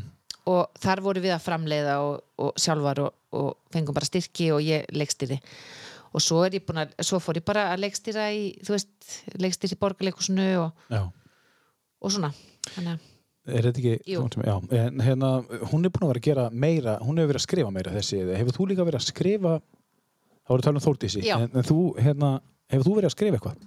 nei, Nei. ég bara ég hef, Leikstýrt? nei, já, bara leikstýrt. Og þú veist, auðvitað leikstjóri stundum með vinnur eitthvað dramatúrkíska vinnu, þú veist, Já, já, stitta og breyta eins og til dæmis fjallæfind og svona sem var gamalt leikriti stitta mikið og sem verður eiginlega leikgerð. Já, þú náttúrulega getur breytt í já, já, og svona alls konar svona hluti sem ég, þú veist, það get ég gert en ég er ekki, nei, ég er ekki að skrifa leikrit Nei, sko. nei. Þú far handreit í hendunar Já. og svo getur átt aðeins við það með samþykki handreit sögundar. já, ef að, handisöfundur er látin fyrir 70, meira en 70 árum þá get ég gert mjög margt en ef hann, Já, það er svona réttindi sko, hérna, þú veist og síðan ef hann er náttúrulega lifandi þá er náttúrulega hefur, er þetta frumsköpun og þá hefur hann náttúrulega mjög mikið um það að segja hva, Já. Hvað verður gert við verkið skilur þannig að þá er það allt í díalóg við En ef hann er látin og, og það eru ekki 70 á liðin, þá er einhver sem hefur erft verkið Já. svona á þá. já, það er- svona, ré- þú veist, þá rétthafar og, Já, já. Þetta er eins með tónlistina held ég. Ég held að tónlistin sé að þú mátt kópera eitthvað lag, gefa það út aftur án sem fá leifi eða liðin 70 já, ár. já, Þetta er eitthvað svona höfundaréttur. Það er þessi 70 ár. Herðu, ok. Um, já, og svo tóstu þetta að þér og, og, hvað var svo meira? Þú, þú nefndir hérna upp nokkuð, nokkuð mörgverk. Um, hvað er svona stærsta, ja, hvað, ekki kannski stærsta, eftirminnilegasta verki sem þú höfður leikstýrt? Eða þú mannst eftir einhverju? Og þá kannski af hverju? Sko, ég myndi segja uh, fjallæfindur var svona kannski, það var svona að það vakti svo mikla Já. að því að það hafði ekki verið sett upp ógislega lengi og ég gerði mikla breytingar á því og þetta var svolítið svona sérstök uppfærsla komist bara ég held að það komist bara 20-30 manns inn í einu, þetta var sínt á óhefbunni rými Norðupólnum á Seldarnis í svona hráu.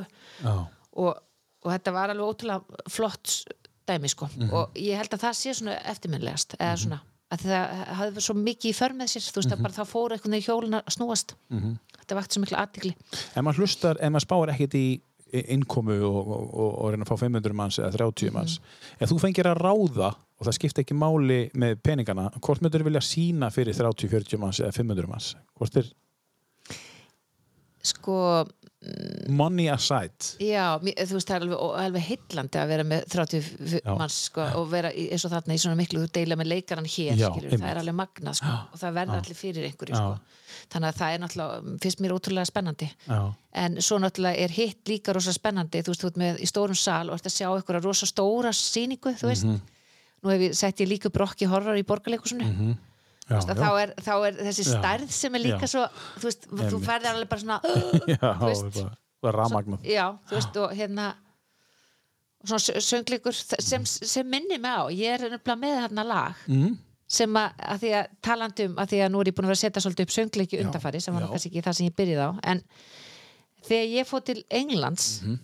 Þegar ég var manni, hvernig var það, sek- hvort ég var 15-16 ára. Mhm. og þá fó- fór ég á söngleik og þetta var í fyrsta skipti sem ég fer á söngleik í útlöndum. Já, og ég varð fyrir svo miklum áhrifum því ég sá hana söngleik já, að hérna ég bara fór heim og ég var bara með þetta á heilanum og bara, þú veist, ég man að Jón Ólafs Já. var með útastætti á Rúf á Rás 2 og hann var, Hann er með það ennþá já, og ég með það ennþá og hann var alltaf æðist, þú veist, á þeim tíma. Það var svolítið svona, Rás 2 var svo ótrúlega öðruvísi og hann, var- með allt öðruvísi útastmaður heldur en allir hinnir mm -hmm. því hann var svo fyndin og skemmtilegur. Já, já. og afslappaður Já.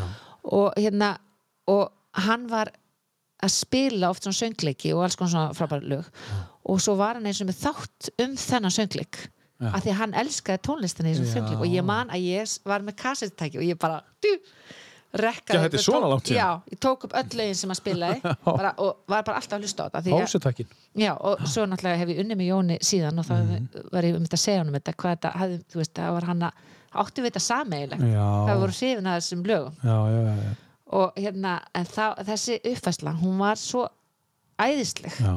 að hérna þú verður að spila lagið Hvað er, eru að tala um? við erum að tala um Cats Cats, já, já. Og uh, það var, þú veist, og þú, við veit ekki hvort þú að sé Cats, þú veist, það voru náttúrulega ég var í dansi, sko já, mikið þegar ég var yngri. Já. og hérna, þó- þetta eru sjúklegi dansarar þau eru öll náttúrulega kettir og alveg bara, þú veist, rosalegi Já. dansarar og síðan var allt í yfirstærð Já. hústurinn og að þau eru kettir. Já, já, þannig að já, það var allt í öðrum hlutvöldum og þetta var bara mindblowing fyrir mig þá. Já. Jellicle Song for Jellicle Cats. Þetta er frá, uh, þetta er Cats þetta er Cats Já. Við munum vel eftir þessu, það eru alls konar hendur fannar í lottið hérna hjá hann mörtu. Já, já,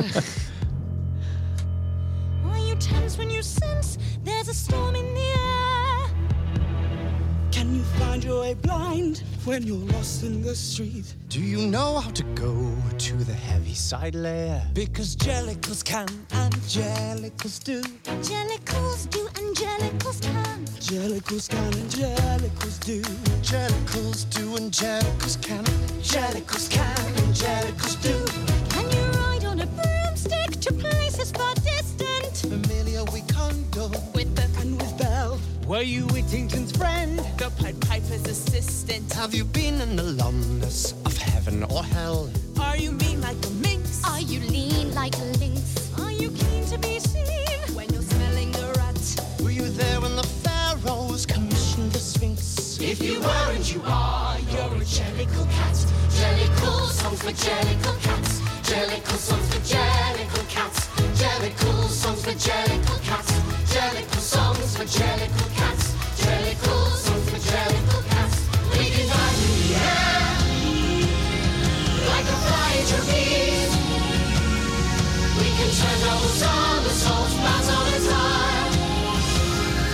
Okkar að spyrja þig hérna, Marta, með eh, hérna þegar þú ert að leikstýra. já. Uh, þetta kann að hljóma heimskulegt, en ert þú á öllum sýningum baksviss að fylgjast með eða þegar þú leikstýrir? Mætur alltaf? nei Nei. uh, ég mæti uh, svona fyrstu sýningu bara svona og kem svo af og til Já, uh, hérna, það er svona í samningum við leikstjóra er þú bara að fylgjast með sýningunni að hún gangi og það sé ekkit fara, leikarnir sé ekki fann að gera eitthvað vils og svona gefa þeim nótur og halda sýningunni í formi. Já, en sumi leikstjórar eru koma mjög, ég meina ég veit um leikstjóra sem ég, þegar ég verið að sína sem að komu eiginlega á alla sýningar og það verður bara svolítið klostrofobik já. voru alltaf með nótur, alltaf maður bara svona að nótur. viltu leif okkur að taka sýninguna? Já, Þú veist, að því að það gáttur ekki sleppt. Já, en ég er ekki þannig, ég bara, þú veist ég sleppi og svo kem ég bara af og til Já, og já. gef feedback. Já, þannig að þú, þú getur ekki komið á þess að gefa nótur. Eh, Eða svona nei, nei, það er erfitt að eða, þú veist, maður mað getur sagt þetta var svolítið Já. ekki alveg nógu þarna. Eða, veist, Það ég er er að ekki með að einhverja rosalega mikla nótur en svona, Það er betra bara að sleppa að mæta þurfi ekki gefa nótur og treysta og koma svo eftir hversu nokkra sýningar og leif, nótur. já, og líka leifa leikur og stundum bara að fá þetta aðeins og taka Já, þetta einmitt, einmitt, og einmitt. koma svo bara, þú veist, gefa það smá rönn og svo koma og, og gefa feedback Já, já. því að það, þetta fer líka mjög mikið eftir sýningum Mhm. hvað er þurfa mikið aðhald já, já, já. Eh, Mér langar að spyrja aðeins um uh, listan sem ég, var, sem, ég, sem ég baði um að setja upp innan fyrir því ég baði um að koma. Um, var þetta krefjandi að setja þetta upp? Uh, var þetta bara easy? Svona, þú segir þetta sé út frá út frá, og náttúrulega setur þetta upp, upp út frá svona, kannski einhverju sögum og getur sagt einhverju sögur í kringun lagið en það er náttúrulega líka einhver lögurna sem eru pínlega í uppáhaldi var erfitt að sleppa öðrum lögum já, Jésús minn Já, að því að þú veist já, guð, ef ég, þú veist, ég ákvað að gera þetta svona ef ég hefði þurft að gera uppáhalds þá hefði ég örgulega bara ekki verið búin að skila listanum. Nei, það væri ekki þetta núna. Nei, þá var ég bara ennþá ennþá bara sveittar en að finna út þessu. Þá er svo mörg lög sem kom upp og ég ákvað að vinna þetta frekar hratt af því að annars fyrir þetta verða svo flókið. Já, Þú veist, ég ákvað bara að vinna þetta svolítið spontan og þetta lag, já, já, þetta. En ekki fara að ofhugsa það en þú talar um að hérna til dæmis George Mustaki kæmi í gegnum sýstu þínar. Mm. Hvernig var, uh, þið, þú vart yngst þú nefndir, þú var í stórum sískinahópi, þú Mm. nefndir aldrei hversu mörg, en, en, en var mikið hlusta á tónlist? Og var einhver sem var í hljómsveiti að spila á hljóðfæri eða, Já, eins sýsti við fórum þetta allar á einhverju tímapunkti í píanónám en eins sýsti mín, hún uh, Guðrún, hún lærði mjög lengi á píanó já, og mamma líka sagt, var, lærði píanisti og Já. það var svolítið mikið svona klassist e, klassist tónlist. Já, á Sem heimilinu. Já, uh, já, það var svolítið mikið þannig. En svo þegar ég svona eh, vex úr grasi þá bara voru við sýsturnar að spila bara það sem okkur langaði. Já, og já, ég myndi segja svona, ég er alveg upp svolítið mikið við klassiska tónlist. Já. Hlustar á það í dag líka? Já, Já. hlusta á það á og til. Já, þú já, veist, já, já, en ég er ekkert hérna og mist gaman að fara já, ég meina, ákveðna symfóníu sem maður hlustar á og, og svo náttúrulega það sem ég kannski þyrta hans að vinna í er að hlusta meira á svona nútíma tónlist af því að þú veist, hún þarf svona maður þarf svolítið að þjálfa sig í því. Mm -hmm. af því að hún er allt öðru vísi, maður er svolítið vanur að hlusta bara á Beethoven og Bach og svona. En það er náttúrulega rosalega mikið af flottum hlutum að gerast í tónlist, í nútíma tónlistinni algjörlega. já, Og maður getur kynst í gegnum til dæmis uh, Spotify. við með góðum, getur náttúrulega, þú veist Maður getur missið það, sko. Já, og svo maður getur uppgötu ýmislegt þarna Spotify, alls konar listamenn. Notaru Discover Weekly? Eða þú veist, þetta gæti henda þér? Notaru þessa takka sem Spotify sp- stingur upp á? Þú gætir fíla þetta. Já, já, stundum. Ég, og stu- stundum er ég að reyna að fá það til að koma með eitthvað aðeins annað. Já, já, stundum já, er þess mikið elda, Já. Mhm. elda eitthvað sem að ég er svona, á, ég er búin að prófa þetta skilur stundum langar mig svo að þeir komir aðeins meira óvart. Já. þú veist, aðeins að útvíka mig sko. En grúskaru eitthvað í honum þú veist, eh, eða ég, ég er sko þannig að ég, Googlari? Já, ég, ég googla og svo líka bara, þú veist, þegar ég hlusta hérna á útvarpið og svona þegar ég hlusta svolítið á ráseitt mm. -hmm. kemur ykkur lag Mm. og þá er ég bara að skrifa því það niður ef ég hef kýrt það Já, Já, og, og fyrir svo bara beint á Spotify og, og addonum á playlistan já, já, já, og ég, veist, er alltaf að reyna að finna eitthvað nýtt eitthvað svona sem að kveikir í mér já. og hérna, og ég geri það ég fer reyna alltaf að hlusta eftir og það er svo mikið sumt af þessar tónlist eins og Portishead já, og, og eitthvað sem ég hef heyrt eitthvað starf Mm og bara fengi upplýsingar hvað er þetta? Mhm. og farið síðan og, og náð mér í það. Notaru Soundhound? nei, Nei, þetta er ekki svona hvað það er. Nei, það er svona takki sem þú ítur á og, og leifir í að heyra lagi sem er í gangi og hann pikkar upp, þetta er þetta lag. Já, ok, Viltu spila það á Spotify og þú ítur á takka? Já, já, já, já, ok. Þá þarfst ekki að skrifa það niður sko. Ok. Þetta er mjög góð Sound, ég kan sína ára eftir já, En þér finnst eins og það er skaman að vera elda í eldhúsinu og þá viltu vera svolítið í diskóinu?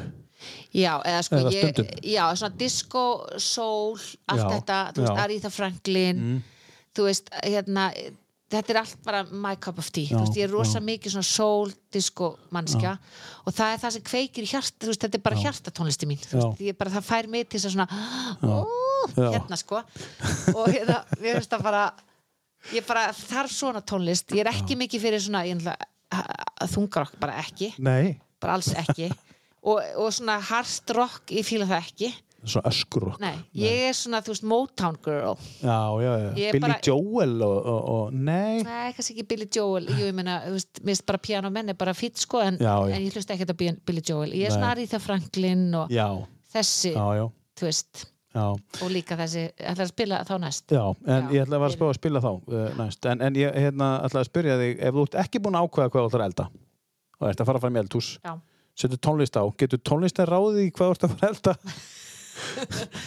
Ég Ég að hef ekki, ég ekki prófað þessu að... Þetta, þetta getur verið svolítið skemmtilega aðferð sko.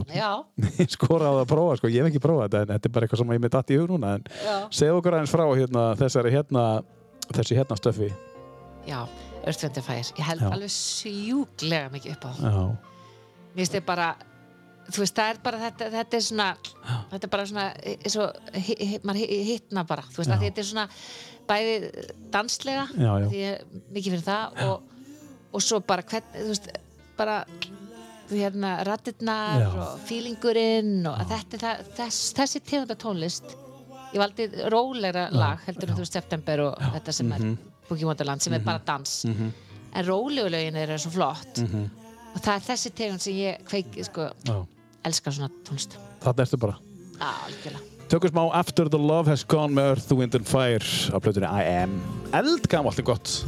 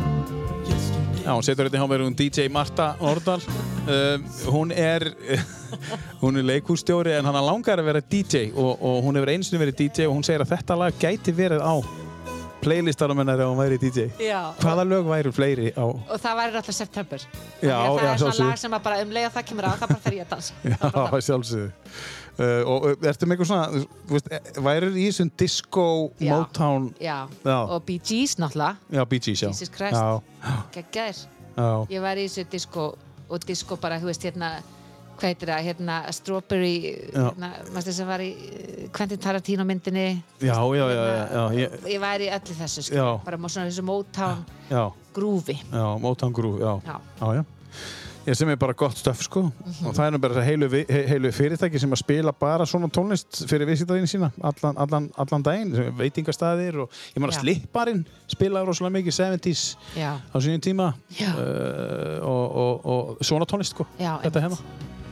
hérna er svo, þetta er svo mikið fílgút Já, þetta er good, sko. þetta er svo mikið, Þetta er já, Þú veist, það er ekki, það, það er ekki leiðindi. Engin leiðindi þannig, þú veist, þau eru all glöð og kátt Já, einmitt.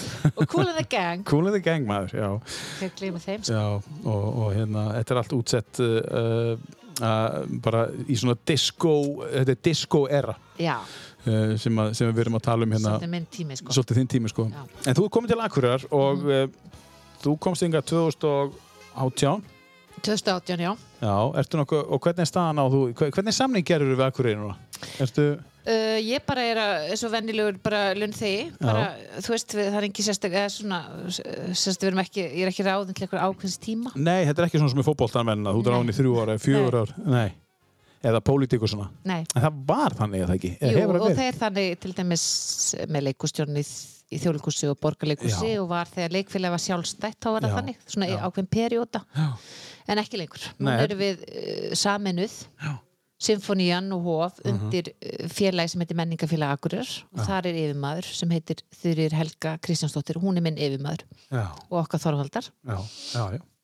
Mhm. Og, og þannig að þá getur þú bara verið hérna forever forever já, ég er að meina það Já, já. þú getur bara komin, komin til að vera það lítur að vera svona svolítið þægilegt ég meina fjögur ára svo fljóta að líða þú ert kannski Já. ný komin inn í starfið og þá ertu að fara að huga að því að reyna að halda því bara því þú hefur breytt ár eftir Já, reyndar er En sko, skilurðu- já, reyndar er var, hefur alltaf verið þannig, ég held að þessi fjögur ár svo er eh, sko takt að endur á til fjögur ár til viðbútur. Já, Það hefur ok. alltaf hámark átt ár. já, Allavega er það þannig í Reykjavík. já, en það er samt hámark Já. átt ár, ég meina þú veist, Já. þetta er fljótt að líða Já, s- mjög. ég meina þetta er 2013 eins og Já. staðin núna, bara Já. þú verður að fara núna Já, ég meina 2013 var bara fyrir hotnið, það er ekki langt síðan 2018.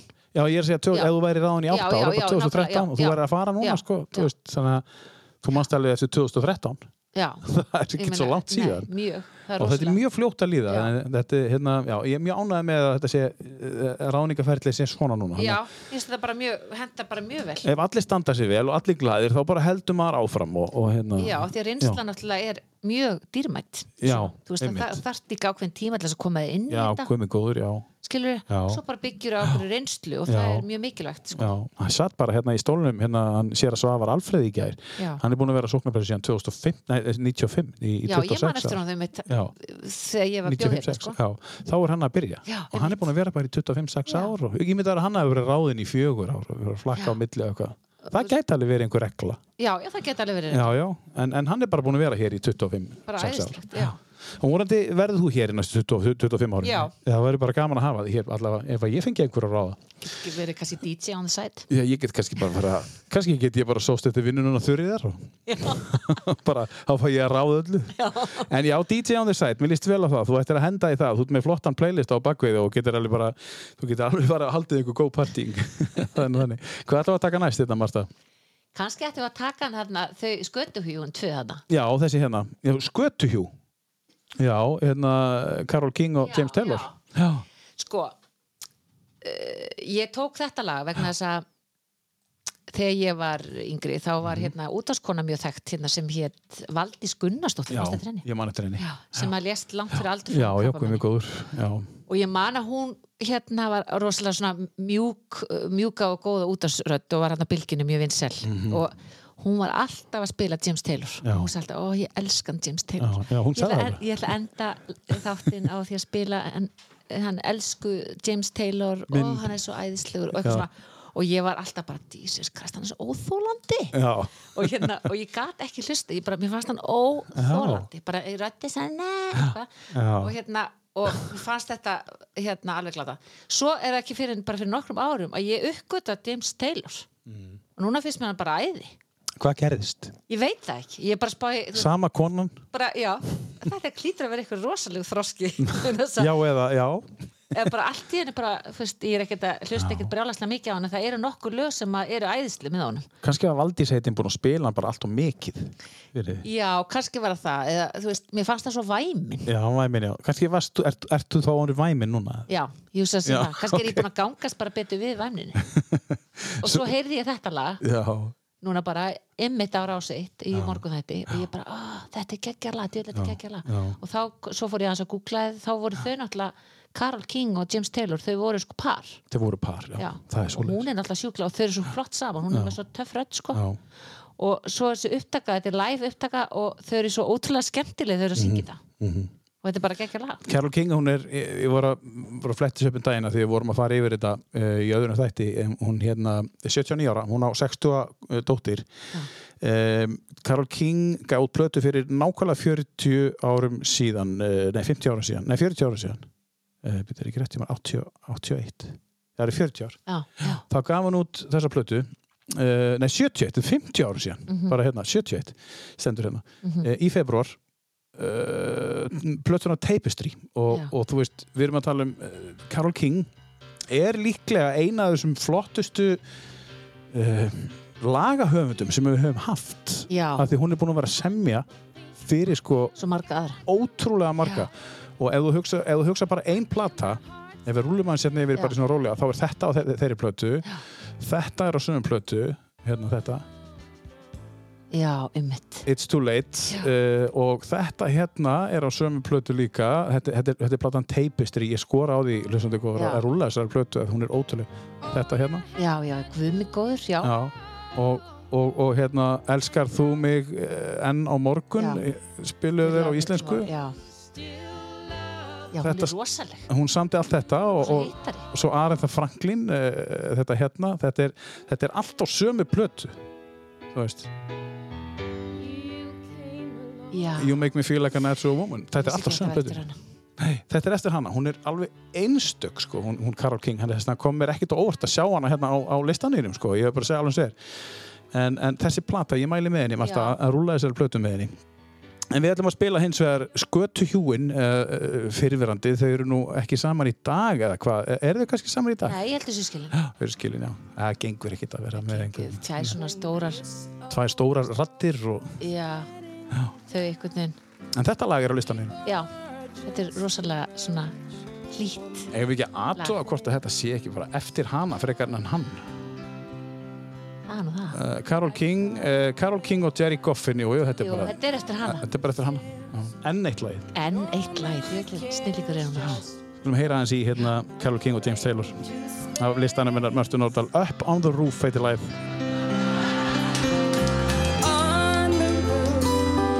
peaceful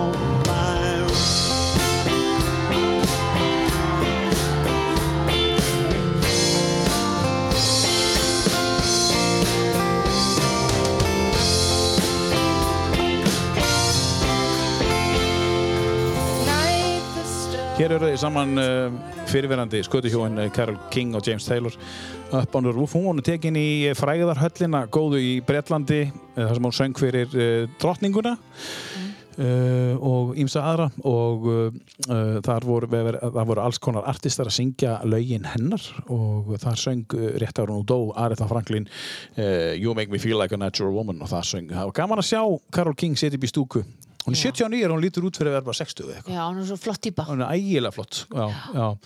hún lítur vel út og er ennþá að semja sko. Já, og hún er á listaneinum já, alveg frábært lag, Up Já. on the Roof mjög, mjög flott. Ég vissi ekki með þetta fyrir þú sagðir að þetta var eftir hanna, ég held kannski að þetta var eftir hann. já, já, eins, já, Hann er náttúrulega líka flott legu, sko. já. en ég skora á bara alla sem er að hlusta að, að flett upp Carol King og kemur óvart hvað hún er búin að gera uh, semja mikið af ótrúlegum lögum það er bara, það kom mér óvart þegar ég googlaði henni Já, Já, en við vorum að tala um áðan, Marta, að þú værir ekki að fara neitt frá Akuri, þið líður vel hér. Um, ertu með einhverja fjölskyldu meðlimi hérna með þér? já, við erum, sérst, við erum eiginlega með tvö heimili. Já. Maðurinn minn er arkitekt Já.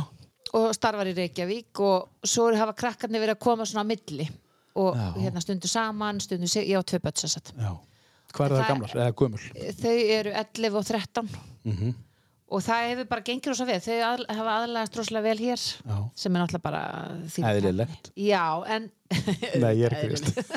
Auðvitað, en ekki hvað og hérna já, þannig að þetta hefur verið svona mjög ske, bara gengið vel sko, mjög vel, ég get ekki óskað eins betra og ég bý hérna bara á neðri brekku og að svo er að gera ráð fyrir og, og já, og bara svo er náttúrulega betra viður á Akureyri, veist það Ég þóttist vita það. það er þannig. En sko, nú ert þú Reykjavíkumær og Já. þú segir það, sko. þannig Ég segi það. Það er það sem er leiðilt við Reykjavík, eins og hún er aðeinsleg, að það er, það er svo oft svona rók og rigning. Já. Það er ekki hér. Það Nei. er svo miklu meiri stillur hérna. Það er bara því líkur munur. Já.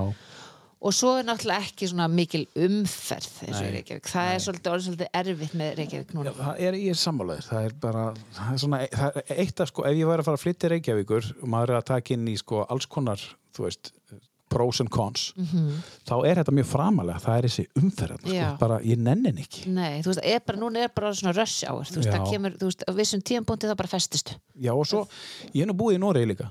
Og, og, og í Oslo og, og ég fann ekki fyrir þessu þar. Það rúlaði allt miklu betur, það er eitthvað að gerast bara, það eru þrýr bílar á heimili. Já, en kannski einn til tveir í Noregi og maður finnur alveg fyrir þessum mun sko. já, það er rosalega, og þetta hefur gerst á stuttum tíma, finnst mér.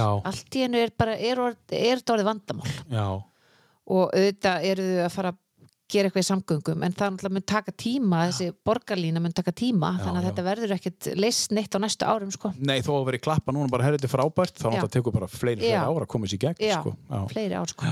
en það er gott að þessi vera að fara að vinna í þessu Já, En þetta gengur vel með, með tvö heimili þú veist, og, og ertu þá mikið að fara söður og hann Nei. mikið að koma á norður? Ég hef reyndar ekkert farið, eins og í COVID-inu hef ég náttúrulega verið mest bara hér. Uh, hann, það hefur bara verið mismunandi. Núna er ég reyndar að fara suðu til þess að leikstýra. Já, ég er fara að leikstýra, sérst, við erum í samstarfi við þjóðlikúsið og eru núna að gera sýningu með þjóðlikúsinu og listaháskólunum já, sem er lokaverkefni Já. leiklistabröðurinnar og við ætlum að sína það verk hér á Akureyri Mhm. og í þjóðlikúsinu og ég byrja á að æfa núna bara í nokkra vikur í þjóðlikúsinu svo komum við norður. Þannig að ég er að fara bara eftir frumsýningu að byrja á því verkefni. Já, færi bara eftir, eftir Benedikt Já. beint Að- söður í nokkra vikur. Já, Þannig að það vinnan þín, það er engin dagur eins svona. nei, sko, þegar maður er að leikstýra líka. Já. nei, það er engin dagur eins, það er náttúrulega svo skemmtilegt þetta starf, Já, engin dagur eins. Og hérna, og ég er náttúrulega bæð er náttúrulega ennþá að leikstýra, þó ég sé leikustjóri, þá tek ég sum verkefni. Já, og þá náttúrulega er maður bara, þú veist, sekkum maður bara bóla kaf Já. þangað, Já, svona en hérna eh, og það er náttúrulega bara rosa dýrmætt fyrir leikustjóri að vera svona á gólfinu já. Veist, að vera er bara svona fíla veist, að nákvæmlega það sem er að gerast það sem að framleiðslan er. Er það ekki bara hlutverk leikstjónans bara, þú veist, að fá að vera Leikustjórans. le- leikustjórans, að fá að vera þar? Jú, það er náttúrulega erfiðara þegar þú ert með kannski svona, ert að reka stór batteri eins og borgarleikus og þjóðleikus af því að það er bara svo ofsalega mikið binding þú fer að leikstýra, þú veist, þá, er svo erfitt að gera eitthvað annað. Já, Þannig að það er svona flóknara fyrir þa- þau, en það er fyrir mig er það mjög bara borlegjandi, já, bara að því að þú veist, hérna það, það eru yfirleitt leikstjórar sem eru leikustjórar, af því það bara er svolítið svona, Já. er mikið skörun. já, já, já, já. já. Magna. Já. Herru, hendum okkur í næsta, næsta lag um, um, hvað, við hefum þetta hérna eftir Já. og þetta og við ætlum að enda á þessu hérna af því að, já, þetta er svona kannski mest í uppáhaldi hjá þér, þessi hérna dúti Já, þessi dúti. þó, þó, þó hann sé hérna ekki kannski já, en svona, þú vildir allavega geima til síðast Já. en hvað eigum við að hendi næst, uh, Marta? Uh, Við erum með hérna tvær stórar kanonur, konur uh, þú bara ræður. Ég má bara ráða? Já. Ok, þá þá langar mig til þess að taka Ellu Já.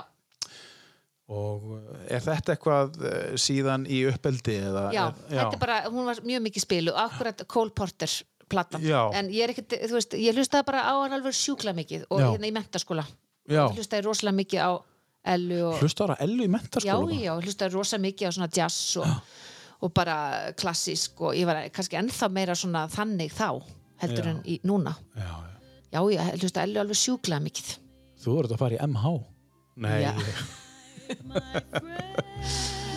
Hlustum að þessu Ellu Já. Fitzgerald All through the night till the day draws to an end.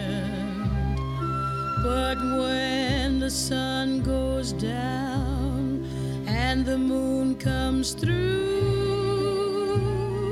to the monotone of the evening's drone, I'm all alone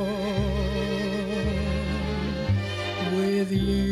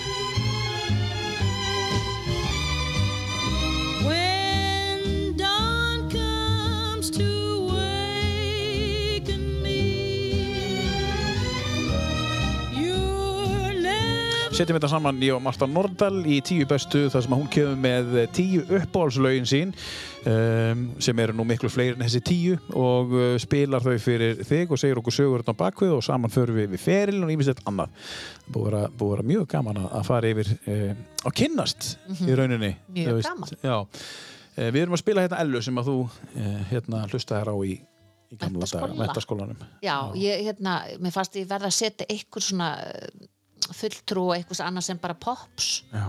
af því að þú veist, ég hlusta líka þú veist, eins og Miles Davis ég bara tók hann ekki en mér Mhm. Já, já. og svona alls konar jazzistar og hún bara, hún er svona með þessa rödd sem að maður einhvern veginn, hún er Mhm. bara stórfenglegu söngvari, Lögadags morgun hjá þér er, er það tón- geti verið hún Já, er þetta svona típisku lögadags? Já, þetta er svolítið þannig, þú veist svona þessi mjúki jazz Já, og Cole Porter og Miles Já. og, og, og býrðu þá til playlista til þess að spila eða ertu með blötur? Já, já, ég bý til playlista. Já, já, DJ playlista. Já, já, ég, ég er með alls konar playlista. Ég er líka með svona, þú veist, eins og cocktail playlista. Þá er það meira svona Já. soft, skilur Hún, til dæmis, sem að þú veist, væri með kampavíni Já, já, já, og hlusta á eitthvað sem er svona næs og, þú veist, og hérna Morricone og eitthvað svona skemmtilegt svona uh, það væri svona cocktail og svo með, er ég með kannski meira svona party, þú veist, þá erum við að tala um Earth, Wind and Fire og meira svona Motown og Já, þú, er, þú, Já, þú já. breytir bara Já, ég er með skýrið á svona Það er gaman að koma í partí til, til hennar mörtu, það er alveg ljóst. Að tónlistin er, er upp á tíu. Og, og, og, og, og, og hún er í takt við, tí- svona í tíðarandan og tilfinningan sem eru á staðnum Man þarf ekki að ágjöra því að koma eitthvað rólegt lag þegar, þegar klukkan á tíu um kvöldi Nei, og líka bara, þú veist, ég, ég fæ svona feedback á þetta því ég er með gesti bara, ó, hvað flott tónlið, ó, hvað flott lag Já, og þá verður alveg bara Já, svona, bara, yes, yes. DJ-in í Já, þér er bara já. búin að fylla gólfið. Já, Herði, við hefum tvö lög eftir hérna, Marta, og uh, við ætlum að henda bara strax í, í, í næst síðasta læð. Það er engin smá bomba hérna. Mhm. Þetta myndband er svona, svona eitt af þeim myndböndum sem að margir í kringum 80-90 muna opaslega mikið eftir. Og það er þegar hún er hann út á enginu já, að dansa. já Hún var alltaf rosa dansari Rosa dansari. Uppalega er hún dansari og þetta er bara svona nútíma dans sem hún hendir í út á Já. einhverju engi við Já. þetta æðislega flotta lag. Og, og hérna segð okkur hans frá þessu sko, ég, ég held að hún, hún er líka svona típa sem er fyllt manni já, frá því að, þú veist, að því að hún er vinsel hann því ég er frekar ung þú veist, hún er hann með sína, einmitt sína dansa og. Já, veist, hún með, hún er, og hún er svona pingu svona nútíma listam, hún er svona listamaður Já. þú veist, einhver svona pingu avantgard svona. Já. og með þessa frábæri rödd og bara einhvern veginn, allt öðruvísi en allir bara allt öðruvísi. Og hún hafði rosa áhrif á mig og hef alltaf fylgst með henni. Og hérna mannst ekki hérna Wuthering Heights og, jú, jú, jú, veist, algjörlega sko, hún söng líka með honum hérna frábæran duett með Peter Gabriel Já, hérna, sem er bara eh, geggjaður sko, þú veist, og það var að þú hefur alveg getað haft það hérna. já, ég elska það lag, Guðmund góður, já. Já. og hún er, er stórkostleg. Já, Kate Boos já, já. Við skulum, við skulum leifa Kate Boos að fá aðeins lengri tíma en venjulega hérna, og, og, og síðasta lagi hérna eftir fær enn lengri tíma því það er svona, svona eiginlega þitt uppáhald. Við ætlum að heyra þetta frábæra lag Running Up That Hill og ímyndið ykkur að hún sé að dansa út á engi að hann öll sé þetta vídeo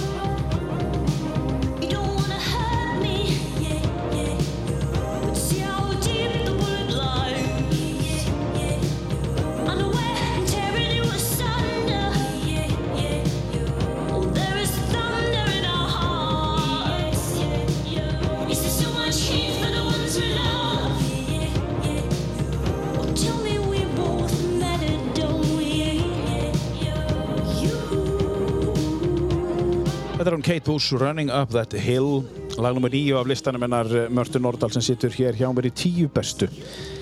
Um, Marta um, þú komst yngar 2018 Já, og svo kom 2019 já. og gleði, gleði, gleði. Allt í gangi, hvað gerir, svo kemur 2020 hvað, bre, hvað breytist 2020 þó, þó þú har sagt að þú hefur alveg náð að halda að gera eitthvað, en, en hvað er það sem breytist á síðast ári? Óvissan. Já, Bara þessi endal, þetta var svolítið svona eins og bara, þarna þurfti maður bara að fa- fara í æðruleysi spænina. já Já, óvissan bara geta haldið Já, viðburð. bara hvað get ég gert? Hva, hvað, þú veist, hvenær verður tilslaganir? Hva, hva, þú veist, hvað ég var að gera? Ég var að gera þetta eða þetta. Veist, hætta við þetta. Já, þetta var bara svona. Svo þ- eftir því sem að tíminn leið þá sem að bara, ok, ég gerir bara, þú veist, ég gerir bara það sem ég get og við reyndum bara að vinna með þetta og það, við, það tókst alveg ótrúlega vel. Já. En þú veist, maður hætti að reyna að hafa að stýra. Og mikið, Já. það var ekki hægt þú veist, maður er ekki fyrir búin af því þá var komin einhver herðing á þessu öll saman. Náðu þið að vinna eitthvað upp í sumar síðastlið eða hvernig það fóru þú allir í sumarfrí bara? Allir, já, þú veist, það hefur ekki verið mikið svona framleiðsla í leikhúsi á sumrin, öll Nei. sum, hérna leikhúsi er eiginlega lokuð á Einmitt. þannig að nei, en við höfum alveg þann draum sko að núna þegar túrismin vonandi, þegar hann byrjar aftur að gera eitthvað fyrir túristana Já, bara sumrin. eitthvað erlend eða já, eitthvað já eitthvað, eitthvað svona kannski bara eða eitthvað svona Já.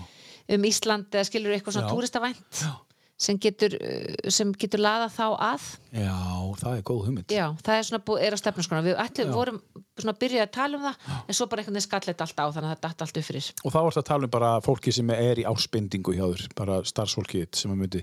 Taka þátt í því? Þátt í því, Já, já. eða maður ræður bara sérstaklega ræður bara að því- sérstaklega Já, því ég er með svona verkefna ráðið fólk, sko Já, en þá er það bara eitthvað svona lítil sýning sem er svona uh, væn fyrir uh, útlendinga Mhm. -hmm.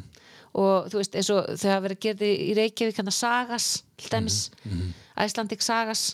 Eh, ég er ekki að segja að þau eru um vikinga en eitthvað skilur, nei. fattar Já, já, já, já, bara eitthvað svona eitthvað sem að... bætir við, svona menningatengt ferðarþjónusteila Já. og það er alveg sóknarfærið þarna. Já. Þú það kom alveg rosalega mikið að skemmtifæraskipum hérna. Fólk sem bara lappar hérna um og veit ekkert hvað að gera Já. skilur Já, já. og hérna, eða bara fólk sem kemur hérna í rútonum sínum og, og, og það er bara sóknarfæra þetta fólk í kannski 40 myndur Já, já, en í hof. Já, já, Já, góð hugmynd. Já. Bara framkvæmum það. já, við erum að gera það Síðan er, er, er, er, er það sem við erum búin að vera að vinna núna, fullori fólk er eins og ég segi búið að slá í gegn og það heldur áfram í hofi eða já, það, er þetta bara, bara síning sem heldur áfram þá til hún stoppar hún heldur bara áfram á meðan er eftirspurn meðan það er eftirspunni já, og við ætlum að sína sko allavega núna í núna og svo í mars og april Já. það er ákveð Já, og síðan bara vonandi næsta haust. Þú veist, við, við erum alveg með við, við erum alveg með hana, hún er bara lítil og meðferðleg og á meðan er eftirspurt þá eh, sínum við og ef við getum farið með hana söður þá fyrir við með hana söður, þetta er allt mjög opið og er hún svona komin fram úr, úr ykkar uh, vonum, björtustu björtustu, já, já, aðsóknin, já, það er æðislegt. Og bara allt, já, gaman að setja upp svoleiðisverk og svo ótrúlega gaman. Síðan eru við með Benedikt sem að er núna uh, að fara, það er næsta verkefni ykkar, Benedikt Búvalur Mhm. og þeir eru spennt fyrir því. mjög spennt. Og við erum alltaf búin að selja fullt af sýningu fram í tíman Já, það er æðislegt. það er geggjað, það finnir svona bössið sko. Já, já, og hún við sýnum hana bara alveg fram í fyrstu helgin í mæ vá, ok, ekki, ekki. og hugsanlega tökum við hann upp aftur í haust ef að það verður ennþá eftirspurn Já, og talar um mæ, þannig að þá eru allir að fara, þá eru þau að fara að loka. Já, Þannig þá séð. reyndar er að koma þarna sýning sem að heitir Krupning á sjálfsmorði Já, kannski vá. ekki, ekki gamanleikur beint Nei. en hérna, Aðeins dýbra. já, aðeins dýbra og þar er, þar er svolítið svona dramatísk sýning sem að er eh, hérna leikarabrautin loka verkefni leikarabrauta listaháskólan svo þetta er sam, samvinnuverkefni okkar, Já. LA þjóðlíkusins og listaháskólans. Og alveg ógeðslega flott verk, ennst verk bara nokkur ára gamalt um svona uh, um það hvernig sjálf, svona sjálfstortiming uh, manneskna eins og mm. kvenna í, í gegnum kynnslóðir það er amma, mamma og dóttir og það eru allar svona e, þunglindar og erfitt með að díla við lífið Og það eru komnir leikara þá úr þessum uh, útskriftar Já. árgangi sem að koma. Það er byrjað að æfa þetta? Nei, við byrjum að æfa bara eftir ég fer söður og byrja að æfa með þeim núna bara eftir frumsýningu Já, það er verkið sem þú ert að fara núna. já. Já, ok. æfum í þjóðlíkusinu og svo æfum við hér og frumsýnum hér sýnum svo í kassanum í þjóðlíkusinu og þetta er rosalega flotti krakkar og, og bara þetta er geggjað verk sko. Hvað gerir uh, leikustjórin í sumar? Hvað ert að fara að gera í sumar? Eitthvað sem er skemmtilegt fyrir því og fjölskylduna. Hvað er framöndan? Ég er ekki búin að ákveða neitt Nei.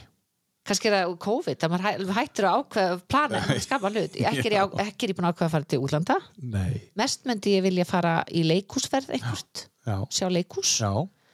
og vonandi, það var alveg geggjað við getið fara eitthvað svona teaterfestival Já. ég er náttúrulega, það, ég er svo mikið nördi ég er svo mikið leikúsnörd það er náttúrulega það, þú ert að vinna við eitthvað sem þú elskar Já. vinna við áhugamáli, ég veist að það er ekki hægt að byggja um neitt Nei. meiri lífsgæði.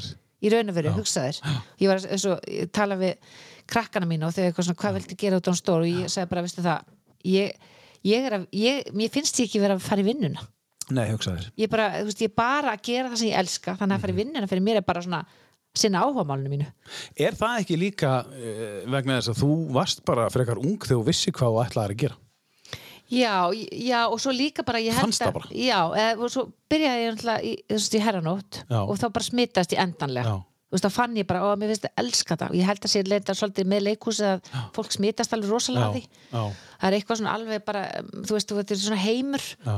en ég hef verið svo ótrúlega heppin að geta starfað við þetta alla mína tíð Já. og alltaf elska það Já.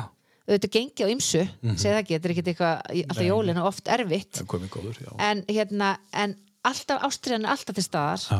og ég held að bara ef, að, ef það er eitthvað til mér sem fyrir börni mín ef þau, til, ef, bara, ef þau fá það eins og ég, að starfa við það sem þau elska þá get ég ekki beðið um meira. Nei, nei. og þetta er náttúrulega litar allt mitt líf þannig að ég til dæmis uppáhaldsferðalögi mín Mm. er að fara á leiklistarháttir Teaterfestivalin í. Oslo. Já, þú veist, maður, ég fer mjög mikið á teatertreffin í Berlín Já. og þar er maður bara að leikhúsi hverju kvöldu, ég elska ekkert meira þú veist, bara, ég bara þarf ekki meira ég, og ég verið leikhúsi bara tvisar á dag bara, get ekki verið hamngisamari En börnin þín? elska þau að fara Leikust. já. Þau elska, já, þeim finnst gaman að fara í leikhús og ég hef til dæmis farið með sérstaklega dótturna sem er eldri farið með hana bara á fullónisverk þú veist, ég vil ekkert vera að skipti svo mikið því leifið þeim bara sjá. Þau fór með til dæmis á hérna brot og hjónabandi sem var svona umskilnað, rosalega dramatíst og, og eftir svona þegar var aðeins liðin í verkið svona klukkutíma þá kvíslan að mér, ég held að þau sé að fara að skilja og ég bara, já, ég held það líka og Það hefði skilað góðu verki á, á sviðinu. já, barnið skilur það. já, Já. heldur betur en þú veist það er, þannig ég, já, ég, hún er alveg smitið sko Já, hann er, hún- önnur þeirra er alveg, já, það er strákur og Strákur og stelpan stelpa. er alveg, hún vil fara Já. í leiklist sko já, það er svo leys. já, ekki það ég svo getur það breyst, ég, ég er alltaf ekki ítin út í þetta að þetta er alveg harður bransi Já. En ég get ætla heldur ekki að stoppa hana Nei, þú mútur aldrei gera það. nei, En þegar þú byrjaðir í, í leiklistaklubnum hana í, í MR, Já. uh, þú var svo fljóta skráðig að þú lítur að hafa verið byrjað að hugsa um þetta fyrir löngu síðan Já. áður já, Já.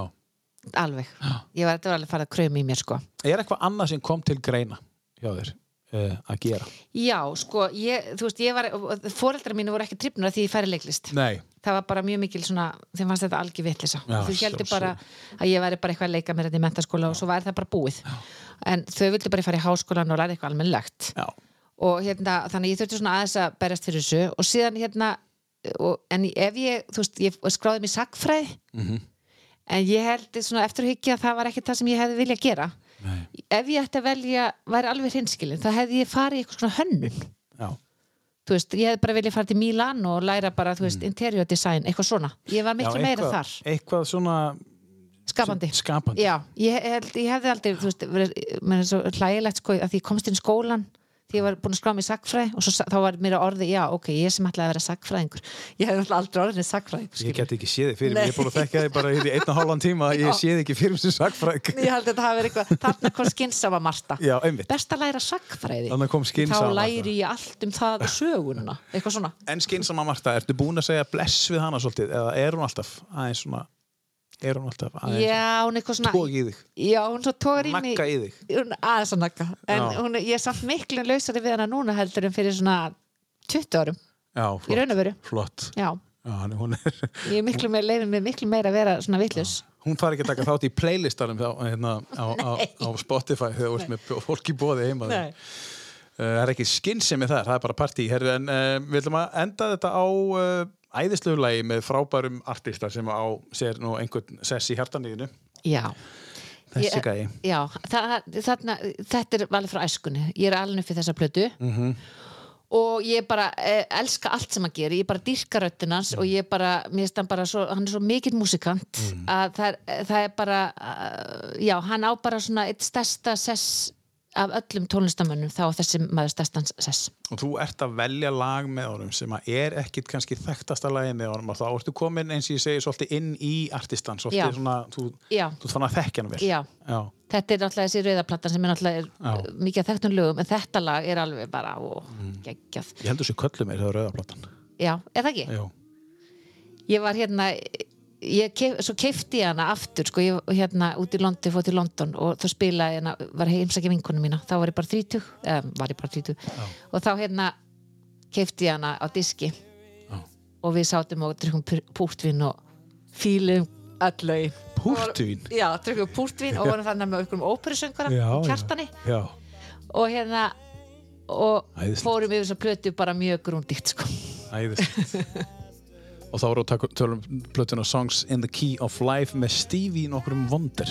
Já, geggjar Við ætlum að enda þetta á þessu frábæra lagi Love is, uh, love in, need, Love's in need of love today. Mm Ástin uh, þarf ást í dag. Já, Hva, hversu, hversu, Hversu djúpt er það? Já, hversu við er að enda? Enda hennar rosalega- þátt á þessu ha, á kærleikanum ástinni? hár rétt, já.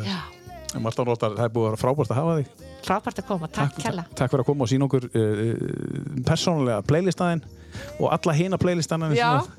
sem, að- væri gaman að komast að. Þú bara followar hann á Spotify og veistu hvað er að gerast á heimilinu henni. Já, og mögulega hvað hún er að fara að elda í kvöld ef hún eldar út frá tónlistinni. En aftur takk fyrir að koma. Takk. og hérna gangi ég vel með uh, hérna Benedikt Búhál og allt sem er að fara að gerast á árinu. Og uh, hlustandi góður takk hérlega fyrir að hlusta og aftur takk æðislega fyrir að hlusta á tíu bestu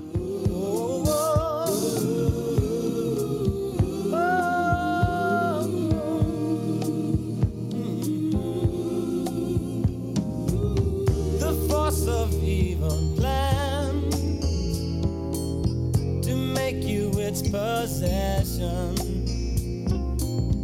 And it will if we let it destroy everybody. We all must take precautionary measures. If love and peace you treasure, then you'll hear.